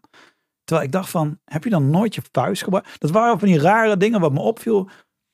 Van oké, maar waternavi vechten dan niet onder elkaar? Of doen dat op een andere manier? Of je, je, om, niet, om een gek ding te laten zien of op te, te benoemen, maar om aan te geven dat we bijna drie uur naar een film hebben zitten kijken met een nieuwe Navi-soort, waar we nog steeds geen niks van snappen en weten. En dat vind ik jammer. Maar wat je, wat je dan, als ik jou zo hoor, eigenlijk ook wel een beetje mist of gemist hebt. Uh, dat gezin van Jake, Sully, uh, is in dat opzicht uh, een beetje een apart uh, gezin binnen de Bosnavi zelf, hè?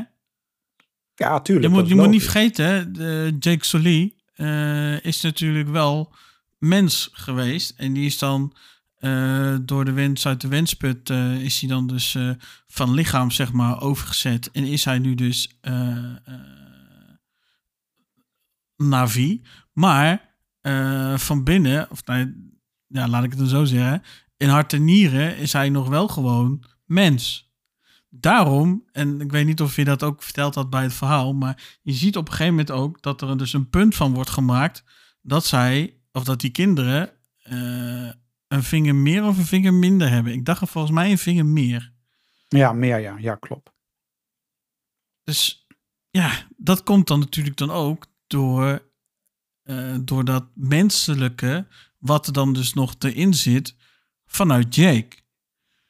Dat die gasten dus dan zo op de. Dat die ene zoon van Jake dan dus zo op de vuist gaat met die waternavi. Dat is ook dus gewoon omdat dat nog gewoon een stukje menselijkheid is. Wat dus in die zoon nu dus als het ware geslopen is door zijn vader Jake. Ja, tuurlijk, dat, dat snap ik. Maar wat ik niet snap is dat we bijna niks weten van die waternavi. Ja, dat vind ik ook een dingetje. Dat had ik net ook al gezegd, toch? Want je hebt toch, uh, in de eerste film heb je uh, de, de grote Ewa. Dat is dan uh, de grote boom die de hele planeet Pandora was, eigenlijk aanvoelt en aanstuurt. Was dat, dat, niet, was, was dat niet de lijn met die, die deity, die, die godheid, zeg maar, die ze als het ware aanspreken? Ja, maar, maar die was dus het belangrijkste uit, van de hele planeet Pandora. Dan kom je uiteindelijk dan bij die water. En daar is in één keer onder water hun eigen soort Ewa-achtige god. Die dan blijkbaar ook weer heel veel uh, connecties heeft met de, met de planeet. En dan heb ik zoiets van, oké, prima. Maar het voelt de hele tijd alsof de eerste film een beetje buitenspel wordt gezet. Alsof dat, dat bosvolk en wat daar gebeurt continu maar buitenspel wordt gezet van ja, dat is allemaal niet belangrijk, want wij hebben dit. Uh, wij hebben onze eigen EWA. En ook dat geneuzel met kijk, heb je die planeet en dan ging de zon erachter. De eclipse en dat was dan ook in één keer heel erg belangrijk. En dan denk ik van ja, oké, prima, maar leg dat dan verdomme uit. Leg mij uit waarom dat van belang is. Of waarom dat juist niet van belang is. Ja, dat had ik ook wel. Dat miste ik ook wel. En waarom is dat bij... Kijk, bij, mijn kritiek was natuurlijk van loop niet te zeiken over het verhaal. Anders. Maar bij de eerste film was alles nog gewoon lekker wel in balans. Er was een verhaal. Of dat verhaal goed is of slecht, dat maakt niet Maar er was een verhaal. En die was redelijk goed te volgen. Hier zijn drie verhaallijnen. Uh, en in die verhaallijnen lopen nog een paar andere. En niks is uitgewerkt. Niks is van. Ja, hier heb je naar zitten kijken. Ik heb naar een film zitten kijken tussen twee mannen die elkaar dood willen maken. Daar heb ik drieënhalf uur naar zitten kijken. En de ene komt van aarde en de andere die komt ook van aarde, maar die zit er al 15 jaar op Pandora. En die gaat van de ene kant van Pandora naar de andere, wetende dat die gasten achter hem aankomen. Om vervolgens daar alles en iedereen uh, af te maken. En denk ik van ja, had gewoon wat meer. Want de eerste film weet ik dan wel. Toen werd er veel meer uitgelegd. Wie is Ewa? Uh, wie zijn wat. Er werd veel meer diepgang verteld. Ook van die beestjes, die, die, die pluizenbeesten die voorbij kwamen. Wat, wat zijn hun rol? Uh, de planten, dat zat allemaal in aanraking met dit en dat en zus en zo. Als je dat vermoordt, dan voelt die het ook. Uh, dat zag je op een gegeven moment ook, want bij de eerste film gingen alle beesten samenwerken, ondanks dat ze elkaar daarvoor aanvielen. Maar omdat die ene wordt aangevallen, dan en dan komt iedereen samen. Dat was echt een heel tof door verhaal. Het, door het EWA-effect, zeg maar. Ja, precies. En bij dit was het in één keer, ja, oké, leuk, maar we gaan het, we vergeten dat en we gaan nu verder naar dit. En dan vond ik gewoon jammer dat dat, ja, dat het gewoon zo slecht eigenlijk, ja, door de verf is gekomen. En dat, dat, dat vind ik gewoon echt jammer, want ik wil gewoon meer weten van die wereld, want die wereld ziet er pleuren spectaculair uit. Maar ik wil graag wat meer diepgang over hun, over hun gewoontes en wie die kerel is. Want die kerel kende Jake Sully wel. Want hij wist, hij zei van ja, jij bent die. We hebben verhalen van jou, dit, bla bla. Dus hij kende hem wel. Dus hij zat er al een behoorlijk tijdje. En, ja. ja. En dat, dat vind ik gewoon een gemiste kans. Uh, wat dat betreft uh, van, het, uh, van het verhaal. Um, maar dan de, de visuals. De visuals en de muziek dat was wel dat ik even dacht van, wauw. Ik vond dat wel echt de, spectaculair mooi. De visuals waren echt wel, echt wel gewoon weer eigenlijk wat we dan dus min of meer dan tussen aanhalingstekens gewend zijn van Avatar. Het is natuurlijk pas de tweede film. Ehm, de visuals die zijn wat dat betreft echt wel gewoon weer adembenemend. En ja. ze hebben echt wel weer een nieuwe lat gelegd voor CGI en, uh, en, en de visuals op zich uh, in een film. Dat hebben ze echt wel. Wat dat betreft, ik weet niet of. Kijk, zoals destijds bij Avatar uh, werd er dan ook gezegd dat, dat het echt zijn tijd ver vooruit is. Ik weet niet of dat nu ook zo, of dat, dat nu ook zo is, maar ehm, je kan wel zien dat er echt wel heel veel vooruitgang is ten opzichte van Avatar 2009. Ik bedoel, Avatar 2009, de eerste Avatar film, daar zie je die gasten zelf uh, natuurlijk voor het eerst. Uh, maar nu zie je ook veel meer details. Ja, zeker. Ze, ze, ze, het zijn dan een beetje ja, een soort van mix met Panther-achtig, weet ik het wat. En natuurlijk, uh, Jake ziet er nu natuurlijk anders uit. En ze hebben dan het, bepaalde dingen ook anders eruit laten zien. Uh, maar je ziet ook veel meer detail. Je zag ook veel meer detail bijvoorbeeld in de haren. Uh, en wat jij zelf ook zei uh, bij, de, bij de waternavi. Daar zie je ook op een gegeven moment gewoon dus hoe dat ze dan dus knipperen met de ogen. Dat er dan dus zo'n ja, zo'n vliesje zeg maar meekomt en uh, weet ik het wat allemaal. En dat je dan dus hè, bijvoorbeeld dan tussen de, tussen de vingers in, dat je daar dan een soort van dingen ziet, waardoor ze dan ja. net wat beter en wat sneller kunnen, uh, kunnen zwemmen en doen. En je ziet natuurlijk ook dat ze dan dus uh, kieuwen hebben natuurlijk om onder water te kunnen ademen. Uh, dat soort dingen. En ja, dat, ja, dat, dat vond ik in ieder geval best wel mooi en goed om te zien. Dat ze nu, ook, nu dus ook gewoon uh, tijd hebben kunnen maken om zelfs op dat niveau details uit te kunnen werken.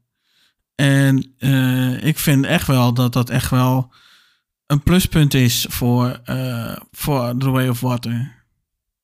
Ja, want dat, dat zag ook de, de. Kijk, in het begin je had wel wat momenten dat je op een gegeven moment, wanneer echt alles CGI, ja, het was ook echt wel allemaal CGI, maar het moment dat die kolonel uh, wakker werd, uh, die scène zag je echt, dit is één computer game CGI fest waar we naar zitten te kijken. Dat was echt, maar wanneer je dan weer terugging naar het deel waar eigenlijk de rest van de film afspeelde bij dat watergeneuzel, dat, was, dat water, dat zag er zo pleuris realistisch uit. Dat was niet normaal. Dat water zag er nog mooier uit dan het echte water. En voor mij, ik, weet niet of dat bij jou ook altijd een ding is geweest, maar vroeger, als ik een game opstartte, het eerste waar ik naar keek, is het water echt. Ja, toen de eerste, de eerste Far Cry was dat toen. Op dat eiland. En dan was dat water van, fuck, dat water is mooi. Ik wil zwemmen in het water. En ik was alleen maar rondjes aan het zwemmen in het water in Far Cry.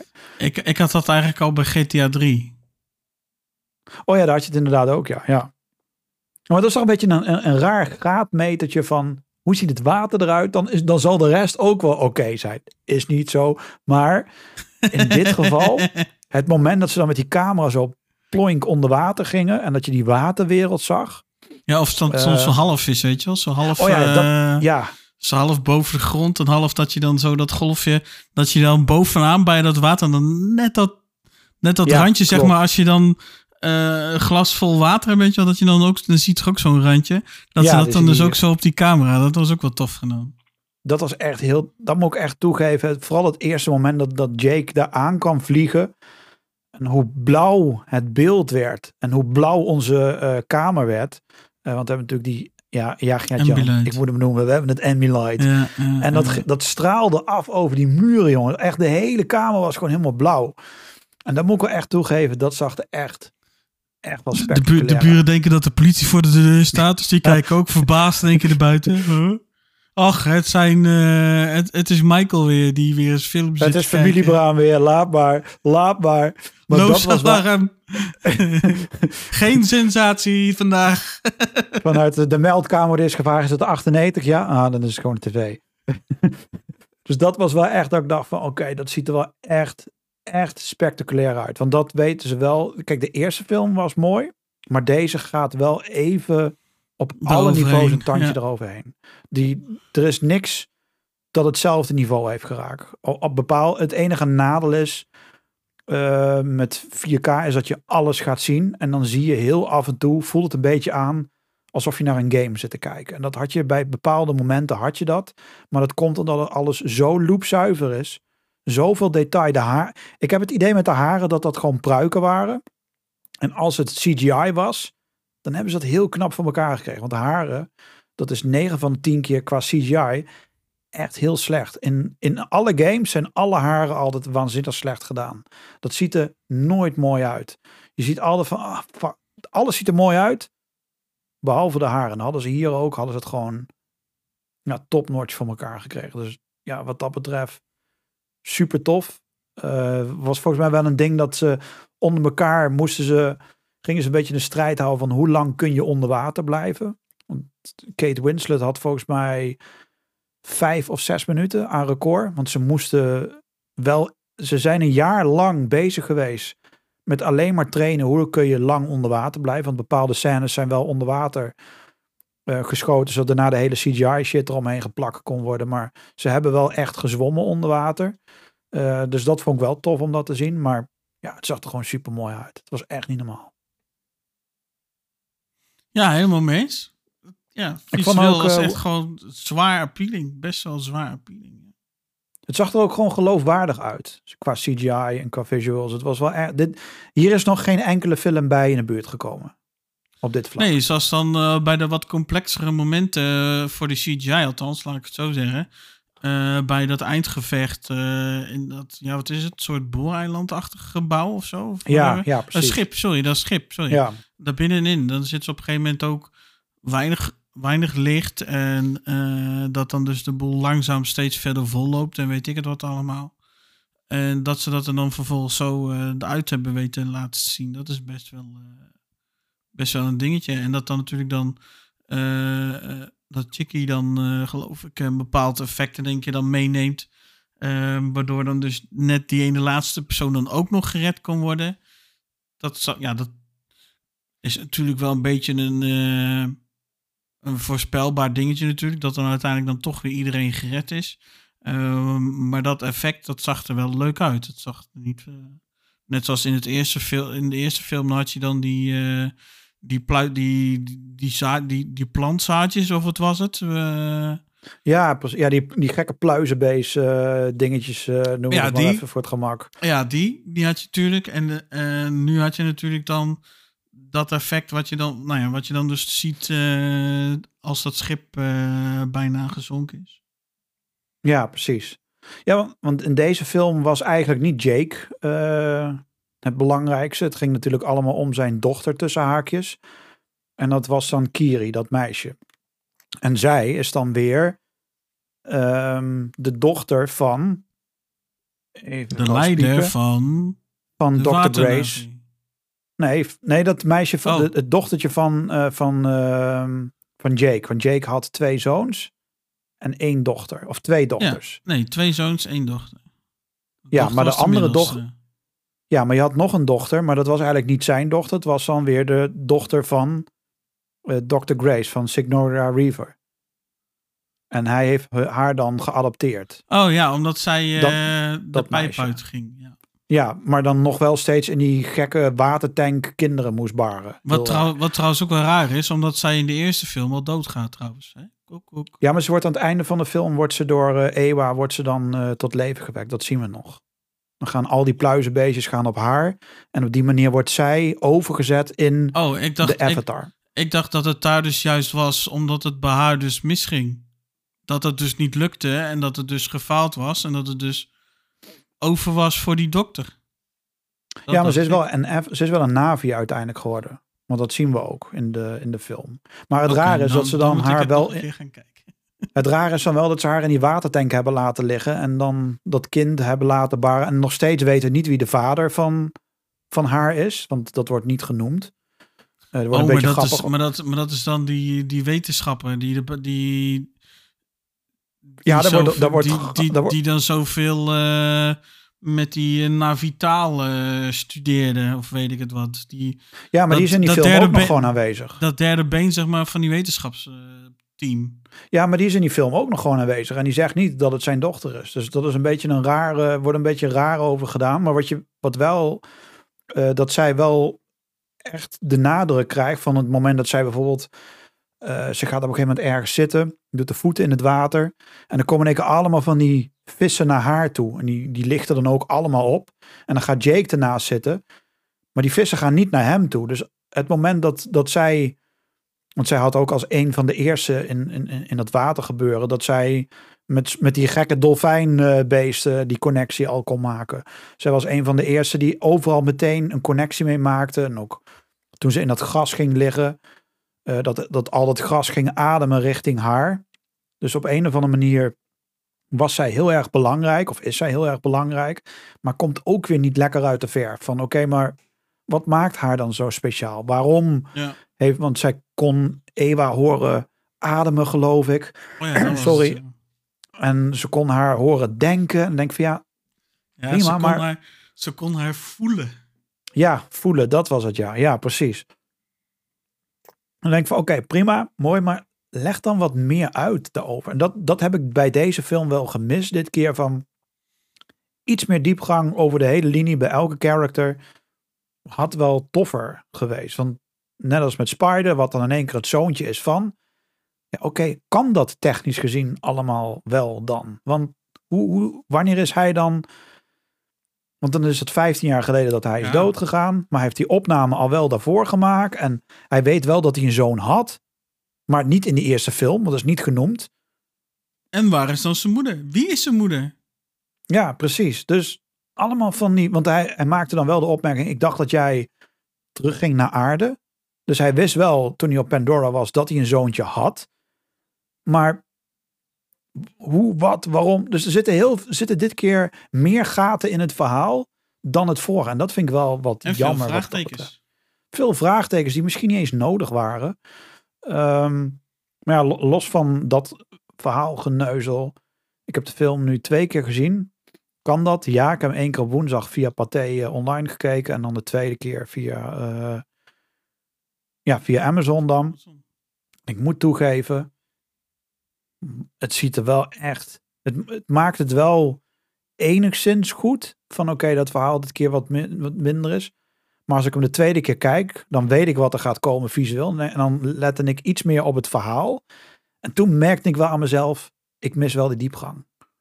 Ik mis wel een beetje die. Wat zeg je nou, Ik- Michael? Kan je dat nog Ik één keer mis een beetje herhalen? die diepgang. Ik mis wel die diepgang. Wacht, wacht, wacht even. Dan zet ik even mijn geluid wat harder. Ja, doe dat. Kun je dat nog één keer zeggen, Michael? Eh, dat ik dit keer geen diepgang miste. Dat ik het echt precies in balans vond. nee, maar dat is gewoon. Kijk, die eerste film kan er op zich wel mee weg. Omdat het een beetje een introductiefilm was. Nieuwe planeet, nieuwe film. Oké, prima. Nu weten we wat Pandora is. Nu weten we wat daar afspeelt. En we weten dat. Maar wat we, wat we dan tussendoor horen. Is ja, we, we moeten nu hierheen. Want onze planeet is stervende. Ja, dat was 15 jaar geleden volgens mij ook al. En blijkbaar heeft onze planeet er dus 15 jaar uitgehouden. Oké, maar wat is er in. Het was een keer top geweest als we een keer een scène hadden teruggedaan op aarde. Hoe ziet aarde er op dit moment uit? Laat zien wat er gebeurt nu. Waarom wij naar Pandora gaan en waarom wij iedereen daar uitmoorden. Wat dus de reden is waarom ze weer teruggaan naar Pandora. Even Ja. los van dat dan de kolonel eh, uit is op wraak op Jake Sully. En waarom? Hey, wat ik niet begrijp is waarom heeft James Cameron ervoor gekozen dat wij als mens daar naartoe gaan en meteen alles en iedereen vermoorden in plaats van, oké, wij zijn hier. Eh, wie zijn jullie? En kunnen wij samen eh, een bestaan opbouwen? Want je kunt namelijk ook gewoon heel makkelijk communiceren met elkaar. En hij kiest er ook de tweede keer dus weer voor. Oké, wij zijn een mens. Wij komen en wij vernietigen alles. En ik weet dat dat onze geschiedenis is. Maar volgens mij kun je ook ervoor kiezen dat ze dit keer naar Pandora gaan. Van hoe kunnen wij naast elkaar gaan proberen te leven? Want de planeet is groot genoeg. En er zijn genoeg andere planeten waar wij ook kunnen leven. Dus waarom kunnen we niet proberen om samen te gaan werken met, eh, met de Navi. In plaats van we komen en we vernietigen alles. Kwamen van die grote tanks die die hele landschap even naar de kloten hielpen. Dat ik denk van, maar je weet toch hoe Pandora eruit ziet? Daar kunnen wij als mens toch op aanpassen dit keer. In Tanks plaats van weer alles bijna net zo verkloten. groot waren als dat grootste vliegtuig uit het eerste deel van de film. Ja, ja, precies. Ik had een beetje, daar had ik wel een beetje van, ja, dat toch een stukje van de verhouding, zeg maar, miste. Want uiteindelijk dan gaan ze natuurlijk dan met schepen en weet ik het wat, gaan ze dan op jacht eh, naar Jake Sully. En, eh, ja, maar dat, ja, hebben ze dan... Alles was wel weer- groter dit keer. Echt groter en groots. Ja, maar best. En heel veel ook. En dan denk ik van ja, hoe kun je dat dan in 15 jaar zo gemaakt hebben? Terwijl alles Ja, van de mensen op, op eh, Pandora althans zo naar de tering geholpen was. Hoe kan Ja, want dat de eerste in 15 film, eh, jaar meer en groter en meer hebben?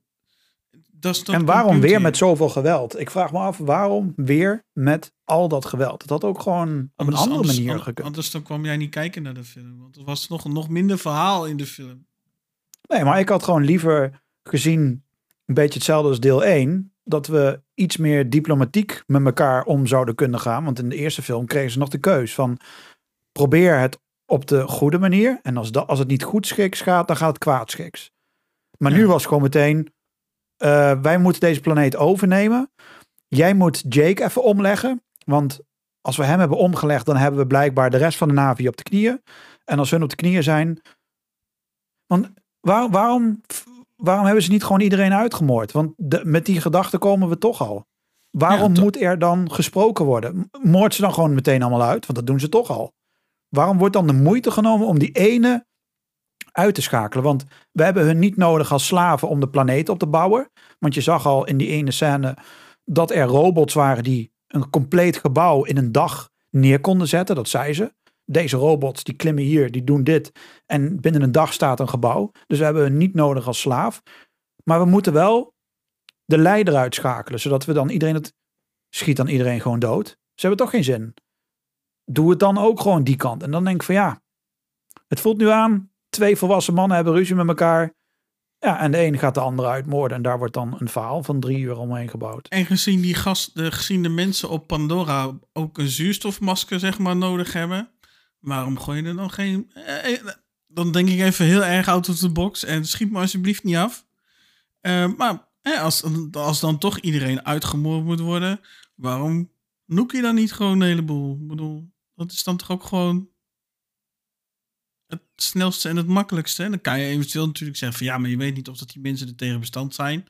Ja, omdat, zij natuurlijk, omdat de Navi natuurlijk in een heel andere omgeving leven en doen.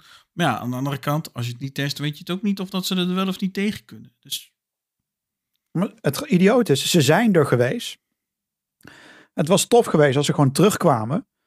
Uh, en dat een of andere hele grote koepel uh, automatisch over dat deel ging, dat de mens daar gewoon normaal zou kunnen ademen.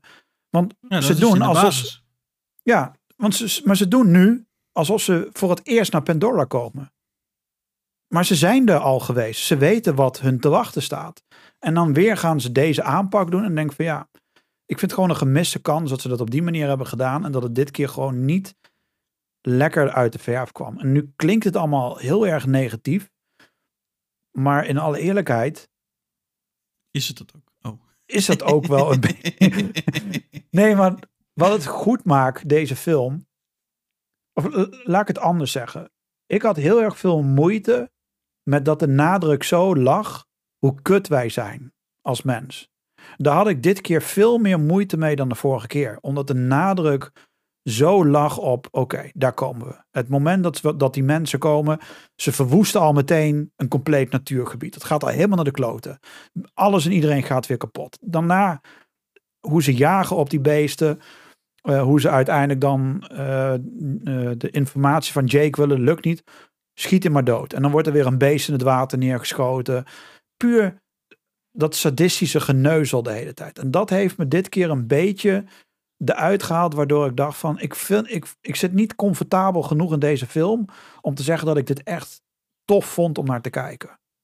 En had ik gewoon dit keer veel meer moeite mee dan bij de vorige film. Waarom, weet ik niet, maar ook... Nou ja, wat, wat ik denk, uh, wat het is, is dat uh, deze film, die laat wat dat betreft uh, ook weinig over, zeg maar, weet je. Er is ja. alleen maar het slechte en het onderhandelen, of in ieder geval goed, het goedschiks versus kwaadschiks. Nu, nu is het alleen maar, er is alleen kwaadschiks. Ja. En dat, dat was het al. En wat ook raar was, op een gegeven moment had Jake, die heeft dan dat onderwater vliegenbeest. En dan heb je uh, die, uh, die kolonel die dan dat andere vliegenbeest heeft. Ook het feit dat ze die beesten met elkaar laten vechten dit keer, vond ik ook apart. Want die Jake die kwam uit het water, die greep hem uit de lucht. Je zou dan denken, die beesten proberen juist degene die erop zit. Nee, die beesten lieten ze ook met, met elkaar uh, vechten. Terwijl dat normaal gesproken in die wereld dan niet gebeurt. Want die beesten leven gewoon in harmonie met elkaar. En nu in één keer zijn ze dan tegen elkaar en worden ze tegen me. Ik vond het dit keer gewoon dat ik vond het gewoon niet prettig om naar te kijken. En ik keek naar mijn pa en die merkte ik aan hem. Die had hetzelfde, vooral wanneer die ene walvis uh, werd vermoord met die bommen eronder. En ook toen dat, toen dat beest doodging, dat iedereen opstond en begon te juichen. ik dacht van, waarom juichen jullie? Omdat het beest nu dood is en omdat er... Ja, dat, dat waren die mensen die juichten, toch? Ja, die, die waren aan het juichen. Maar ik denk van, ja, maar we zijn, je hoeft toch niet te juichen omdat een beest dood wordt gemaakt? Ja, maar de manier waarop. Je kan ook gewoon een beest vermoorden en klaar. Maar nee, iedereen ging juichen. En ik vond het gewoon ja, niet omdat ze blij waren dat ze eindelijk uh, van dat spul hadden. Wat ze moesten hebben. Ja, tuurlijk, dat begrijp ik. Maar ik vond dat, ik vond dat dit keer het sadistische gedeelte gewoon te veel benadrukt werd in de film. In die vorige film had je op zijn minst nog een paar wetenschappers die de nadruk erop legden van dit moeten we niet doen. En bij deze deed één dat, maar die was eigenlijk alleen maar ja, die, die riep wel af en toe wat, maar er werd totaal niet naar geluisterd. Dat was totaal niet relevant dat hij er was. Dus er was dit keer maar één guy die was goed. En voor de rest was iedereen qua mensheid slecht. Want dat, dat, dat, dat zoontje, die, uh, hoe heet die, die, die, ja, die Spider. Hij was op, in het begin ook gewoon goed. En in één keer brengt hij zijn pa naar die Navi. Terwijl hij ook weet dat als hij zijn vader daarheen brengt, die vader gaat iedereen afslachten. Dat, dat weet hij toch? Ja, maar hij was, hij was ook onder druk gezet hè, door, uh, door die kolonel. Ja, van of je gaat terug naar de wetenschappers of je gaat met mij mee. Maar dat betekent niet. Hij had, hij had ze ook op een ander spoor kunnen zetten. Maar dat deed hij niet. Hij bracht ze gewoon continu overal waar die pa naartoe wilde. omdat hij, als hij niet deed wat zijn vader wilde, dan werd hij omgelegd. Maar hij deed niet eens de moeite om weg te gaan. Hij deed niet eens de moeite om. Het was in één keer van. Ik had echt van: is hij nou de bad guy of de good guy? Nou ja, wat dat betreft zou ik, dat, zou ik hem dan dus bestempelen als pacifist. En waarom redt hij dan toch zijn vader? Ondanks dat hij weet dat het gewoon echt een bad guy is. En toch redt hij hem, terwijl het niet eens zijn vader is. Om, nou ja, hij Want het, is niet, het is niet zijn vader. Het is een kloon. In een andere lichaam ook nog eens een keer gepopt. Dus het is niet eens zijn vader. Het is een, een avatar met de, hij ziet wel, hij ziet Wel, hij ziet wel zijn vader in die gast. Ja, omdat hij praat zoals zijn vader. En doet zoals niet, zijn vader. Maar en, dingen, dat je... en dingen vertelt die hij alleen weet omdat hij zijn vader is. Omdat dus dat, dat, dat geheugen dan geüpload is naar het geheugen van die gast. Ja, maar hij weet ook dat het een gigantisch gevaarlijke gek is. Ja. En waarom dat hij dan dus toch dan dus zijn vaderfiguur helpt? Ja, geen idee. Dat, uh, maar dat zul je dan misschien moeten gaan zien in film 3, 4 of 5.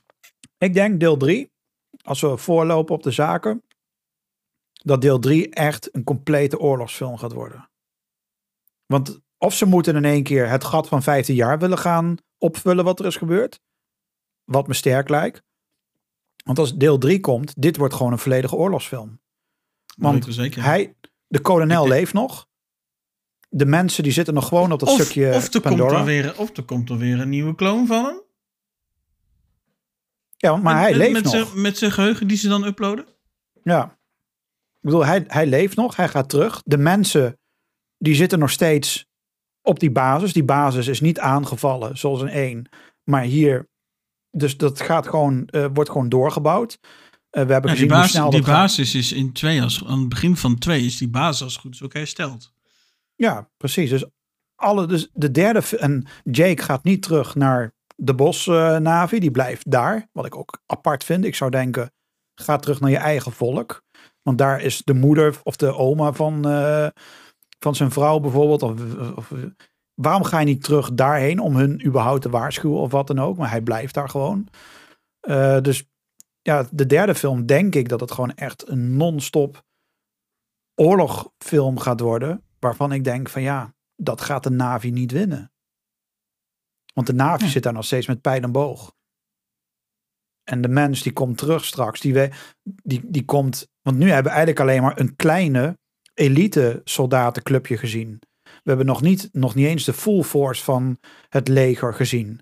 Nou, als die gaan komen, die moorden alles en iedereen uit. Een clubje huurlingen die ingehuurd zijn, toch? Ja, die dan in een avatar gestopt zijn. Met, met dat schip bedoel ik. Ja. Dat, dat, is gewoon, dat zijn gewoon een clubje mercenaries die ingehuurd zijn. Ja. Waar dan uh, die kolonel dan dus een alliantie mee slaat, zal ik maar even zeggen. Dat, dat, dat is althans wat er gebeurt. Ja, precies. Dus ja, die volgende film wordt denk ik, ben ik bang, echt een full-on warfare film. Waarvan ik denk, dat, dat, dat gaat geen leuke film worden. Want de Navi heeft geen, heeft geen wapens. Die, die zie je ook niet. Ook die waternavi, die hebben niet toffe wapens waarvan je denkt, oké, die kunnen gaan winnen. De bosnavi hebben nog steeds pijl en boog wat we zagen. Ze hebben natuurlijk wel wat Ja, oh, wapens. en ze hebben, en ze hebben Makto, hè? Ja, maar ja, in, principe, geen leider meer. In, principe, in principe. Ze hebben dan ook nog Jake heeft dan ook nog eens een keer vrijgelaten, dus ja. Maar ja, Jake is niet meer de leider. Heeft niks meer voor het zeggen. Ik ben echt heel benieuwd. Uh, wel, wat zou jij willen? Een beetje afsluitend richting uh, deze. Wat zou je willen van van de films? Want er van, gaan nog heel van, veel een, van, van, van Avatar 3 verwacht ik eigenlijk niet zo heel veel. Ik denk dat dat ook uh, all-out, balls-out uh, oorlog wordt. All-in all in warfare, weet ik het wat allemaal. Uh, wat 4 en 5 gaan doen, geen idee. Misschien dat deel 4 dan weer een soort van wederopbouw is. En dat deel 5, want dan zit je sowieso zoveel jaar na het eerste deel. Dan zou het me aan de andere kant ook niet verbazen.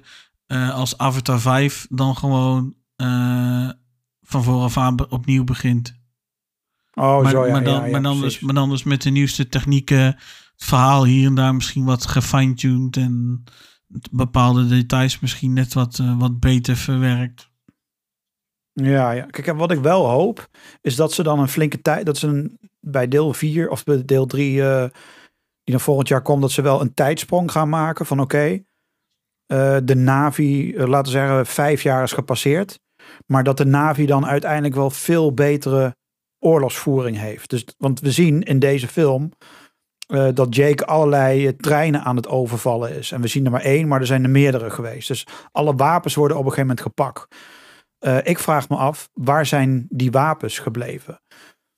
Dus ik hoop dat dan in deel 3, dat op zijn minst er een goede beveiliging opgebouwd is, of in ieder geval een uh, goede um, verdedigingsmechaniek vanuit de Navi, dat ze in ieder geval kunnen terugvechten. Want het moment dat, dat die, uh, die holbewoners komen met hun wapens, ja, die maaien alles en iedereen kapot. Die gaan hier doorheen als een gasmaaier. En daar kun, daar kun je niet tegenop. Daar kun je niet tegenop vechten.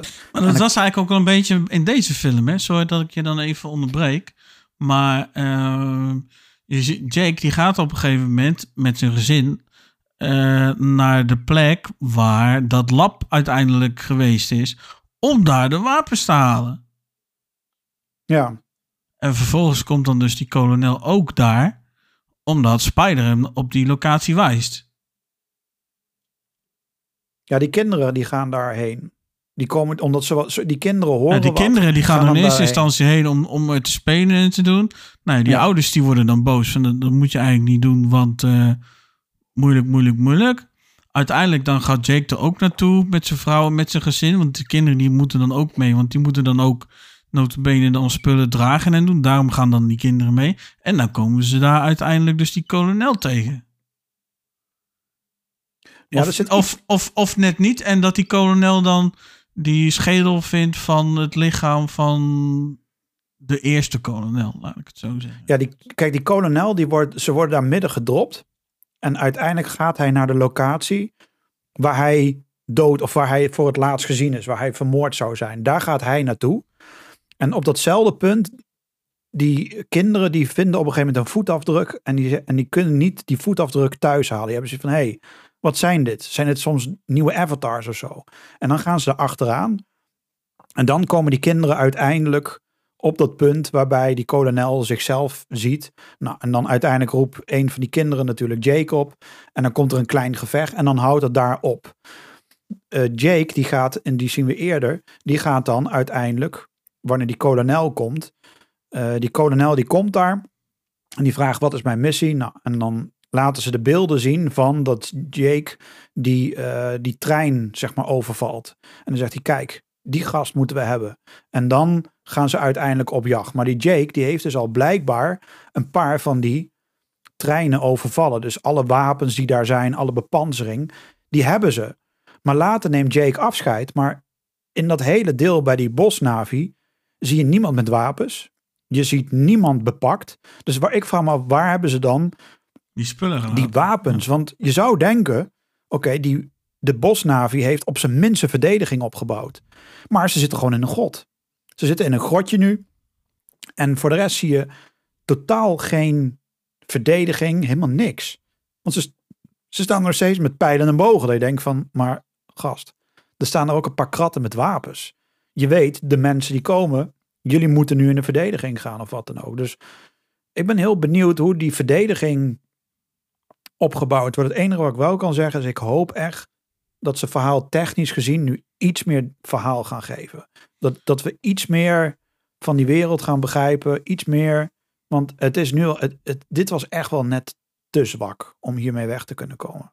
Voor een tweede keer. Ja, wat ik, me, wat ik me trouwens net ook wel bedenk. Je had het dan over die uh, militaire spullen, laat ik het maar zo even zeggen. Die ze dan dus ja. uh, confisceren door het overvallen van die trein. Uh, Jake is natuurlijk soldaat geweest. Waarom doet hij dan niks met die ervaring, kennis en kunnen die hij heeft? Precies. Want ja, je ziet wel dat ze die, uh, die trein overvallen. Maar ik had dan liever een paar scènes gezien dat je zag dat hij de andere Navi in ieder geval klaarstoomde. Van oké, dit moeten we doen, dat moeten we doen, verdediging. Maar dat gebeurt gewoon helemaal niet. Het is gewoon van, ja, het, het is zwak dit keer. En dat vind ik jammer. Ondanks dat het echt een. Want ik vind het een beetje jammer uh, dat, dat het negatief klinkt. Um, deze podcast. Terwijl het wel echt een oprecht mooie film is. Het is alleen dat het dit keer het niet redt van. Ik ben alleen een mooie film. Ja, je bent een mooie film. Je bent de mooiste film die ooit is gemaakt. Maar het mist toch echt net even wat inhoud. En dat vind ik wel jammer dat dat niet zo lekker in balans is dit keer. Dat vind ik echt jammer.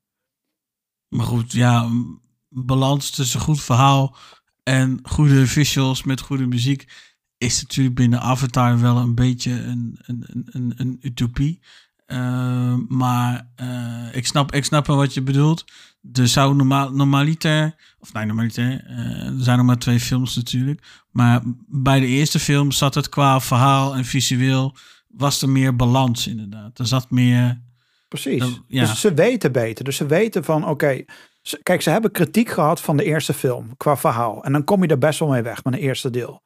En met een tweede deel moet je de kijker wel iets meer uit gaan leggen. Van oké, dit is wel. Dat is hetzelfde als met uh, alle andere films die we bespreken. Noem John Wick films maar even die we voor. Daar nemen ze op zijn min. Ja, maar daar nemen ze op zijn minst wel de moeite om de verhaallijnen hier en daar toch wel een beetje uit te werken. Hier, ja, aan elkaar te knopen zelfs. Precies. En hier lopen er best wel veel verhaallijnen. Maar er wordt geen kloot mee gedaan. Behalve, we hebben twee mannen op testosteron die elkaar willen afmaken. En dat is hoe de film eindigt weer. En dat vind ik jammer. En we zien een compleet nieuwe Navi-stam waar we niks van weten. Helemaal niks. Van en van die derde nog minder zelfs, hè? Want op een gegeven moment gaat die, uh, wordt Kiri, die gaat uh, dat water in en die raakt in een, in een soort shock. En die raakt in een soort van coma. Waarbij die Jake het meest domme gaat doen wat hij ooit kan doen. Hij belt naar huis. Kom even met die helikopter hierheen. Laat weten waar we zijn, want jullie vliegen met een fucking helikopter wat getraceerd kan worden. Kom je heen om even mijn dochter te fixen en te helpen. En hun komen daar, ja, wij kunnen niks doen. Terwijl daar ook een oudere vrouw is die dan zo'n, zo'n uh, hoe heet dat, zo'n, uh, ja, hoe noem je zo'n, uh, zo'n, zo'n, zo'n, zo'n dokter? Niet een dokter, maar een... Uh, Psycholoog, een psychiater. Nee, nee, nee gewoon... Je hebt een dokter, een dokter die gestudeerd is en je hebt dan zo'n spirituele dokter. Laat ik het dan maar even zo noemen. Die komt daar en die gaat het meisje dan helpen. Terwijl Jake weet, die helikopter die gaat heen en weer, dus die wordt getraceerd. En hij, waarom laat hij dat niet aan die stam over om zijn dochter te redden. Want die kunnen dat, die doen dat namelijk ook. En doordat die helikopter van A naar B is gevlogen, weten ze, ah, daar zit hij. Ja, want die helikopter gaat gewoon daarheen. We hoeven alleen maar daarheen te vliegen. We martelen een paar navi en we komen vanzelf wel ergens. En dat gebeurt dan ook. En dan denk ik van ja, dat is best wel stom. Want blijkbaar was ze dus ook een soort van dokter bij die waternavi die we dan twee seconden zagen. En dat vind ik jammer dat, we dat we eigenlijk elke keer een beetje de oppervlakte hebben aangetikt. Maar wat ik wel cool vond en lef hebben, dat ze de zoon van Sully omlegden. Dat hij ook daadwerkelijk doodging in de film. En toen werd het heel. Ja, ik zit, ik, ik zit even, ik zit even na. Gert-Jan, de, Gert-Jan denk, maar dat is tegen het einde. Nou, toen lag ik lang te slapen. Ja, hoe moet het, hoe moet het, hoe, hoe moet ik het nou, uh, ja, ja. maar ik, heb, ik heb niet zitten slapen tijdens de film, dat kan ik je wel vertellen. Maar uh, nou, op een gegeven moment, we hadden geen pauze tijdens de film. Het was echt zo, zo gewoon kut gewoon van ja, geen pauzes. Op een gegeven ja, moment moest zo'n beetje, op een gegeven moment moest gewoon echt iedereen op, echt naar de wc, maar ja, geen pauze. Dus een heleboel mensen zijn, zijn gewoon blijven zitten. En daarna was het echt uh, rennen, rollen, vliegen, springen naar het toilet, zeg maar. 3, 2, 1, oké, doei! ik heb niet geslapen tijdens de film, kan ik je vertellen. Nee, maar, zijn zoon, die ging uiteindelijk dood in de, in de film. Dus uiteindelijk... Oh ja. die... Uh, was vlak voor het einde, ja. Was dat niet tijdens het zinken van het schip of zo? Ja, tijdens het zinken van het schip. Of nou, toen uiteindelijk... Toen werd hij dan netjes aan uh, op, op, op, een stuk rots en daar zat iedereen en toen uh, oh, ja. en nam hij afscheid. ja, die werd dan vervolgens in de fik gezet. Hè? Ja, precies. Dat vond ik op zich best wel, uh, dat ik dacht van oké. En dat eigenlijk meteen Jake zei van, eigenlijk meteen heel kwaad richting zijn andere zoon keek. Ja, waar zijn je zussen? Ja, die zijn daar. Oh nee, blijf, blijf jij maar hier. Alsof die zoon moest eigenlijk continu op zijn andere broer en op zijn zussen gaan letten. De hele tijd. En als het ook maar iets fout ging, dan was hij ook elke keer weer de Sjaak. Dat ik denk van joh, je ene zoon is nu net dood. Je hebt er nog één. Uh, wees even wat, wat, wat relaxter in plaats van die gekke, botte, rare houding die hij eigenlijk de hele tijd had. En, dat is dat militaire wat hij erin wilde drammen bij die zoon. Ja, maar er zijn ook wel grenzen, neem ik aan, toch? Ik bedoel, hij is ook gewoon een vader. En hij kan ook dingen op een iets andere manier doen. Ik bedoel, we hebben allebei geen ervaring. Soms verwerken mensen dingen nu eenmaal anders. En reageren ja, ze daar vervolgens ook anders op naar anderen toe. Het was gewoon de hele tijd dat, dat ik merkte gewoon dat, de, dat hij de pik op één zoon had en dan ook weer niet. En dan, ik merkte gewoon dat de negativiteit in die film iets meer af en toe de overhand had wat niet had gehoeven. En dat, dat vind ik gewoon jammer dat dat over de hele linie uh, continu was. En dat dan toch die, uh, die bad guy ermee wegkwam. Dan ik dacht van ja, oké. Het, het, het, had ook niet uitgemaakt of hij hem dood had gemaakt of niet. Want ze hebben toch uh, Matrix-klonen klaar liggen. Dus er wordt gewoon weer een nieuwe Matrix-kloon uitgepompt. En uh, ja, er komt weer een nieuwe bad guy. Die exact hetzelfde is. Zo kunnen we wel even doorgaan. Want het hele elite-team bestond uit het elite-team van de eerste film. Dat waren dan allemaal weer klonen van het elite-team uit de eerste film. En behalve uh, Michelle Rodriguez. Zij was dan niet in de film, want ze had aangegeven van joh, dat hoeft allemaal niet. Ik kom niet terug, want ja, die is toch dood. Waarom moet die weer opnieuw terugkeren? Dus daar had ze, in, daar had ze wel een punt mee dat dat op die manier ging. Maar een beetje afsluitend. Het klinkt allemaal negatief. Is het allemaal niet, want ik heb echt wel enorm genoten van hoe de film eruit zag. Want dat was wel dat ik echt bij elke scène zie zat van holy shit. Holy shit, dit, dit, is wel even. Ik ga even klappen. Dat, daar, daar, kwam het, uh, daar kwam het wel heel vaak op neer. Het was wel echt waanzinnig mooi. En als hij op disc komt, ga ik gewoon weer kijken. En dan ga ik gewoon weer je vertellen hoe fucking fantastisch die film eruit zag. Dus dat is een. Uh, dus mijn eindconclusie is gewoon een hele mooie, gave, visuele film. Echt heel mooi. Heel mooi. Ja, daar sluit ik me eigenlijk bij aan.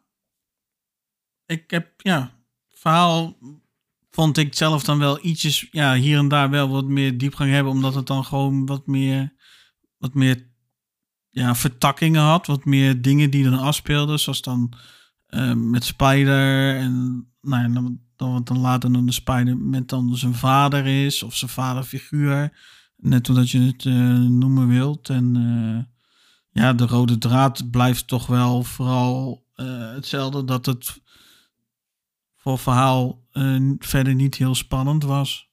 Visueel is het echt gewoon een spektakel van voor tot achter. Ja, absoluut.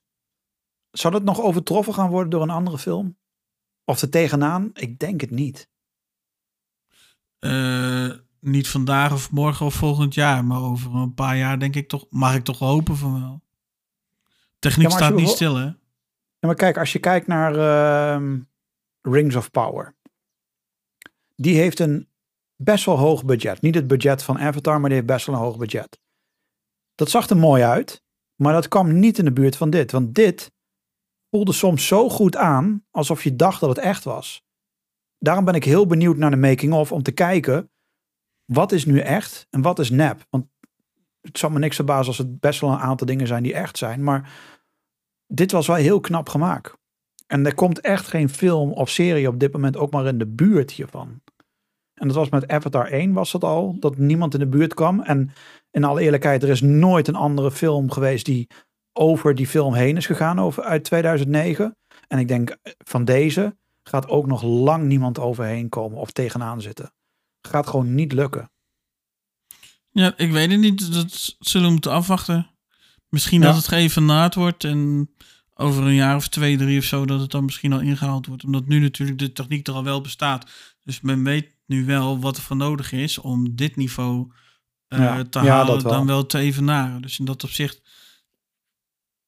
is, ja, is, is, is een deel natuurlijk al wel gedaan nu, laat ik het zo zeggen. Dus op zich is die inhaalslag is nu vrij kort. Ja, ja. Ik, ik moet dan wel nog als laatste, echt als laatste afsluitpunt zeggen hoe, uh, hoe heet ze, uh, Zoe Saldana, hoe zij acteerde. Ik vond wel weer dat ze het heel erg goed deed. Zij, ik vind haar wel de ster van de show. Hoe zij acteert, hoe zij doet. Doet ze ook met Guardians. Uh, doet ze dat echt super goed. En in deze film, ze doet het wel erg goed hoor.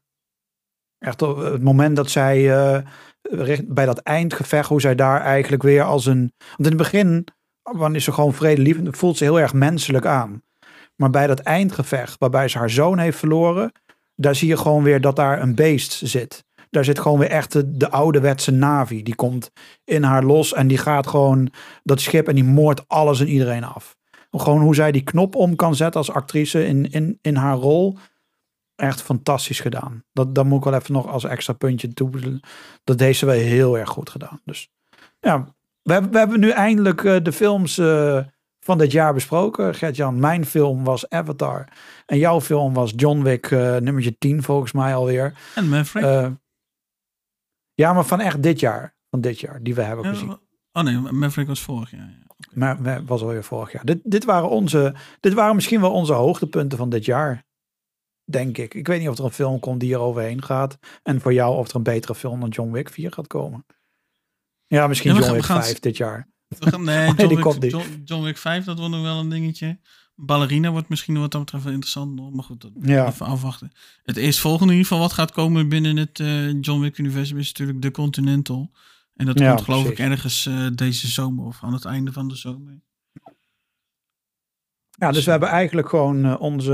Ja, we kunnen eigenlijk gewoon de show wel stopzetten. Want we hebben de hoogtepunten gehad qua films. Voor mij nou, okay. was dat Avatar en uh, voor jou John Wick. Nou, nou dankjewel okay. voor het luisteren. mag, jij dit, vergeet, mag jij dit keer de afsluiting doen? vergeet, om, uh, vergeet niet om op oh. het abonneerknopje te drukken. Want ja, dit was toch de laatste show. Dus je moet er nog een keer op drukken. Want dan ben je namelijk gedeabonneerd. Want ja, we komen toch niet meer terug. nee, de ruimte. Jij mag al lekker afsluiten. Want, uh, oh, verdorie, maar ja, dat, dat, dat is altijd aan jou. Jij, jij opent de show en jij sluit de show. Als we dat gaan doen, dan snapt de wereld niet meer hoe die meer moet draaien. Dat kan niet. Oh, draait hij dan in één keer linksom in plaats van rechtsom? Nou ja, prima. Ja, of gewoon niet. Die slaat even stil, joh. Dat kan ook natuurlijk. Ja, je, weet, je, weet het, je weet het niet natuurlijk, hè? Ik zou zeggen, maak er een uh, visueel appealing film van. Uh, moet je er wel een beetje diepgang erbij doen. Hè? Ja, precies. Is dat, niet, is dat niemand? Ja. Nou ja, voor nu in ieder geval bedankt voor het luisteren. En uh, we hebben net geen record gebroken, gelukkig. en, uh, dus mocht je dus tot hier geluisterd hebben, super tof. Hartstikke bedankt. En uh, nou ja, uh, zoals altijd, we zijn eigenlijk overal en nergens te vinden. Zolang je maar gewoon zoekt op Screen Talk podcast of Screen Talk de podcast. Wij zijn er waarschijnlijk wel te vinden. En daarnaast hebben we natuurlijk ook nog gewoon de website screentalkpodcast.nl en screentalkdepodcast.nl. Daarop kun je ook gewoon alle afleveringen terugluisteren. Uh, kun je zelfs reacties geven uh, op, de, uh, op de afleveringen. Dus mocht je feedback hebben, een tip, serie voor, voor een serie, voor een film, voor een documentaire. Je kan zo gek niet bedenken eigenlijk. Zet het in een reactie. Wij kijken er ongetwijfeld naar. En komen we dan ongetwijfeld ook wel terug uh, op jouw feedback of jouw tip. En dan hoor je het ongetwijfeld uh, de aflevering daarna of uh, nog later. Maar we komen er dan echt wel erop terug. Dus ehm, ja, dit was het voor nu. Dus ja, bedankt voor het luisteren. En tot de volgende keer. Ah, je ja, tot de volgende keer. Hey, doei. Hey, the vote. It's Carlo. He's gonna testify. Onion rings. Of the state, as far as I'm concerned.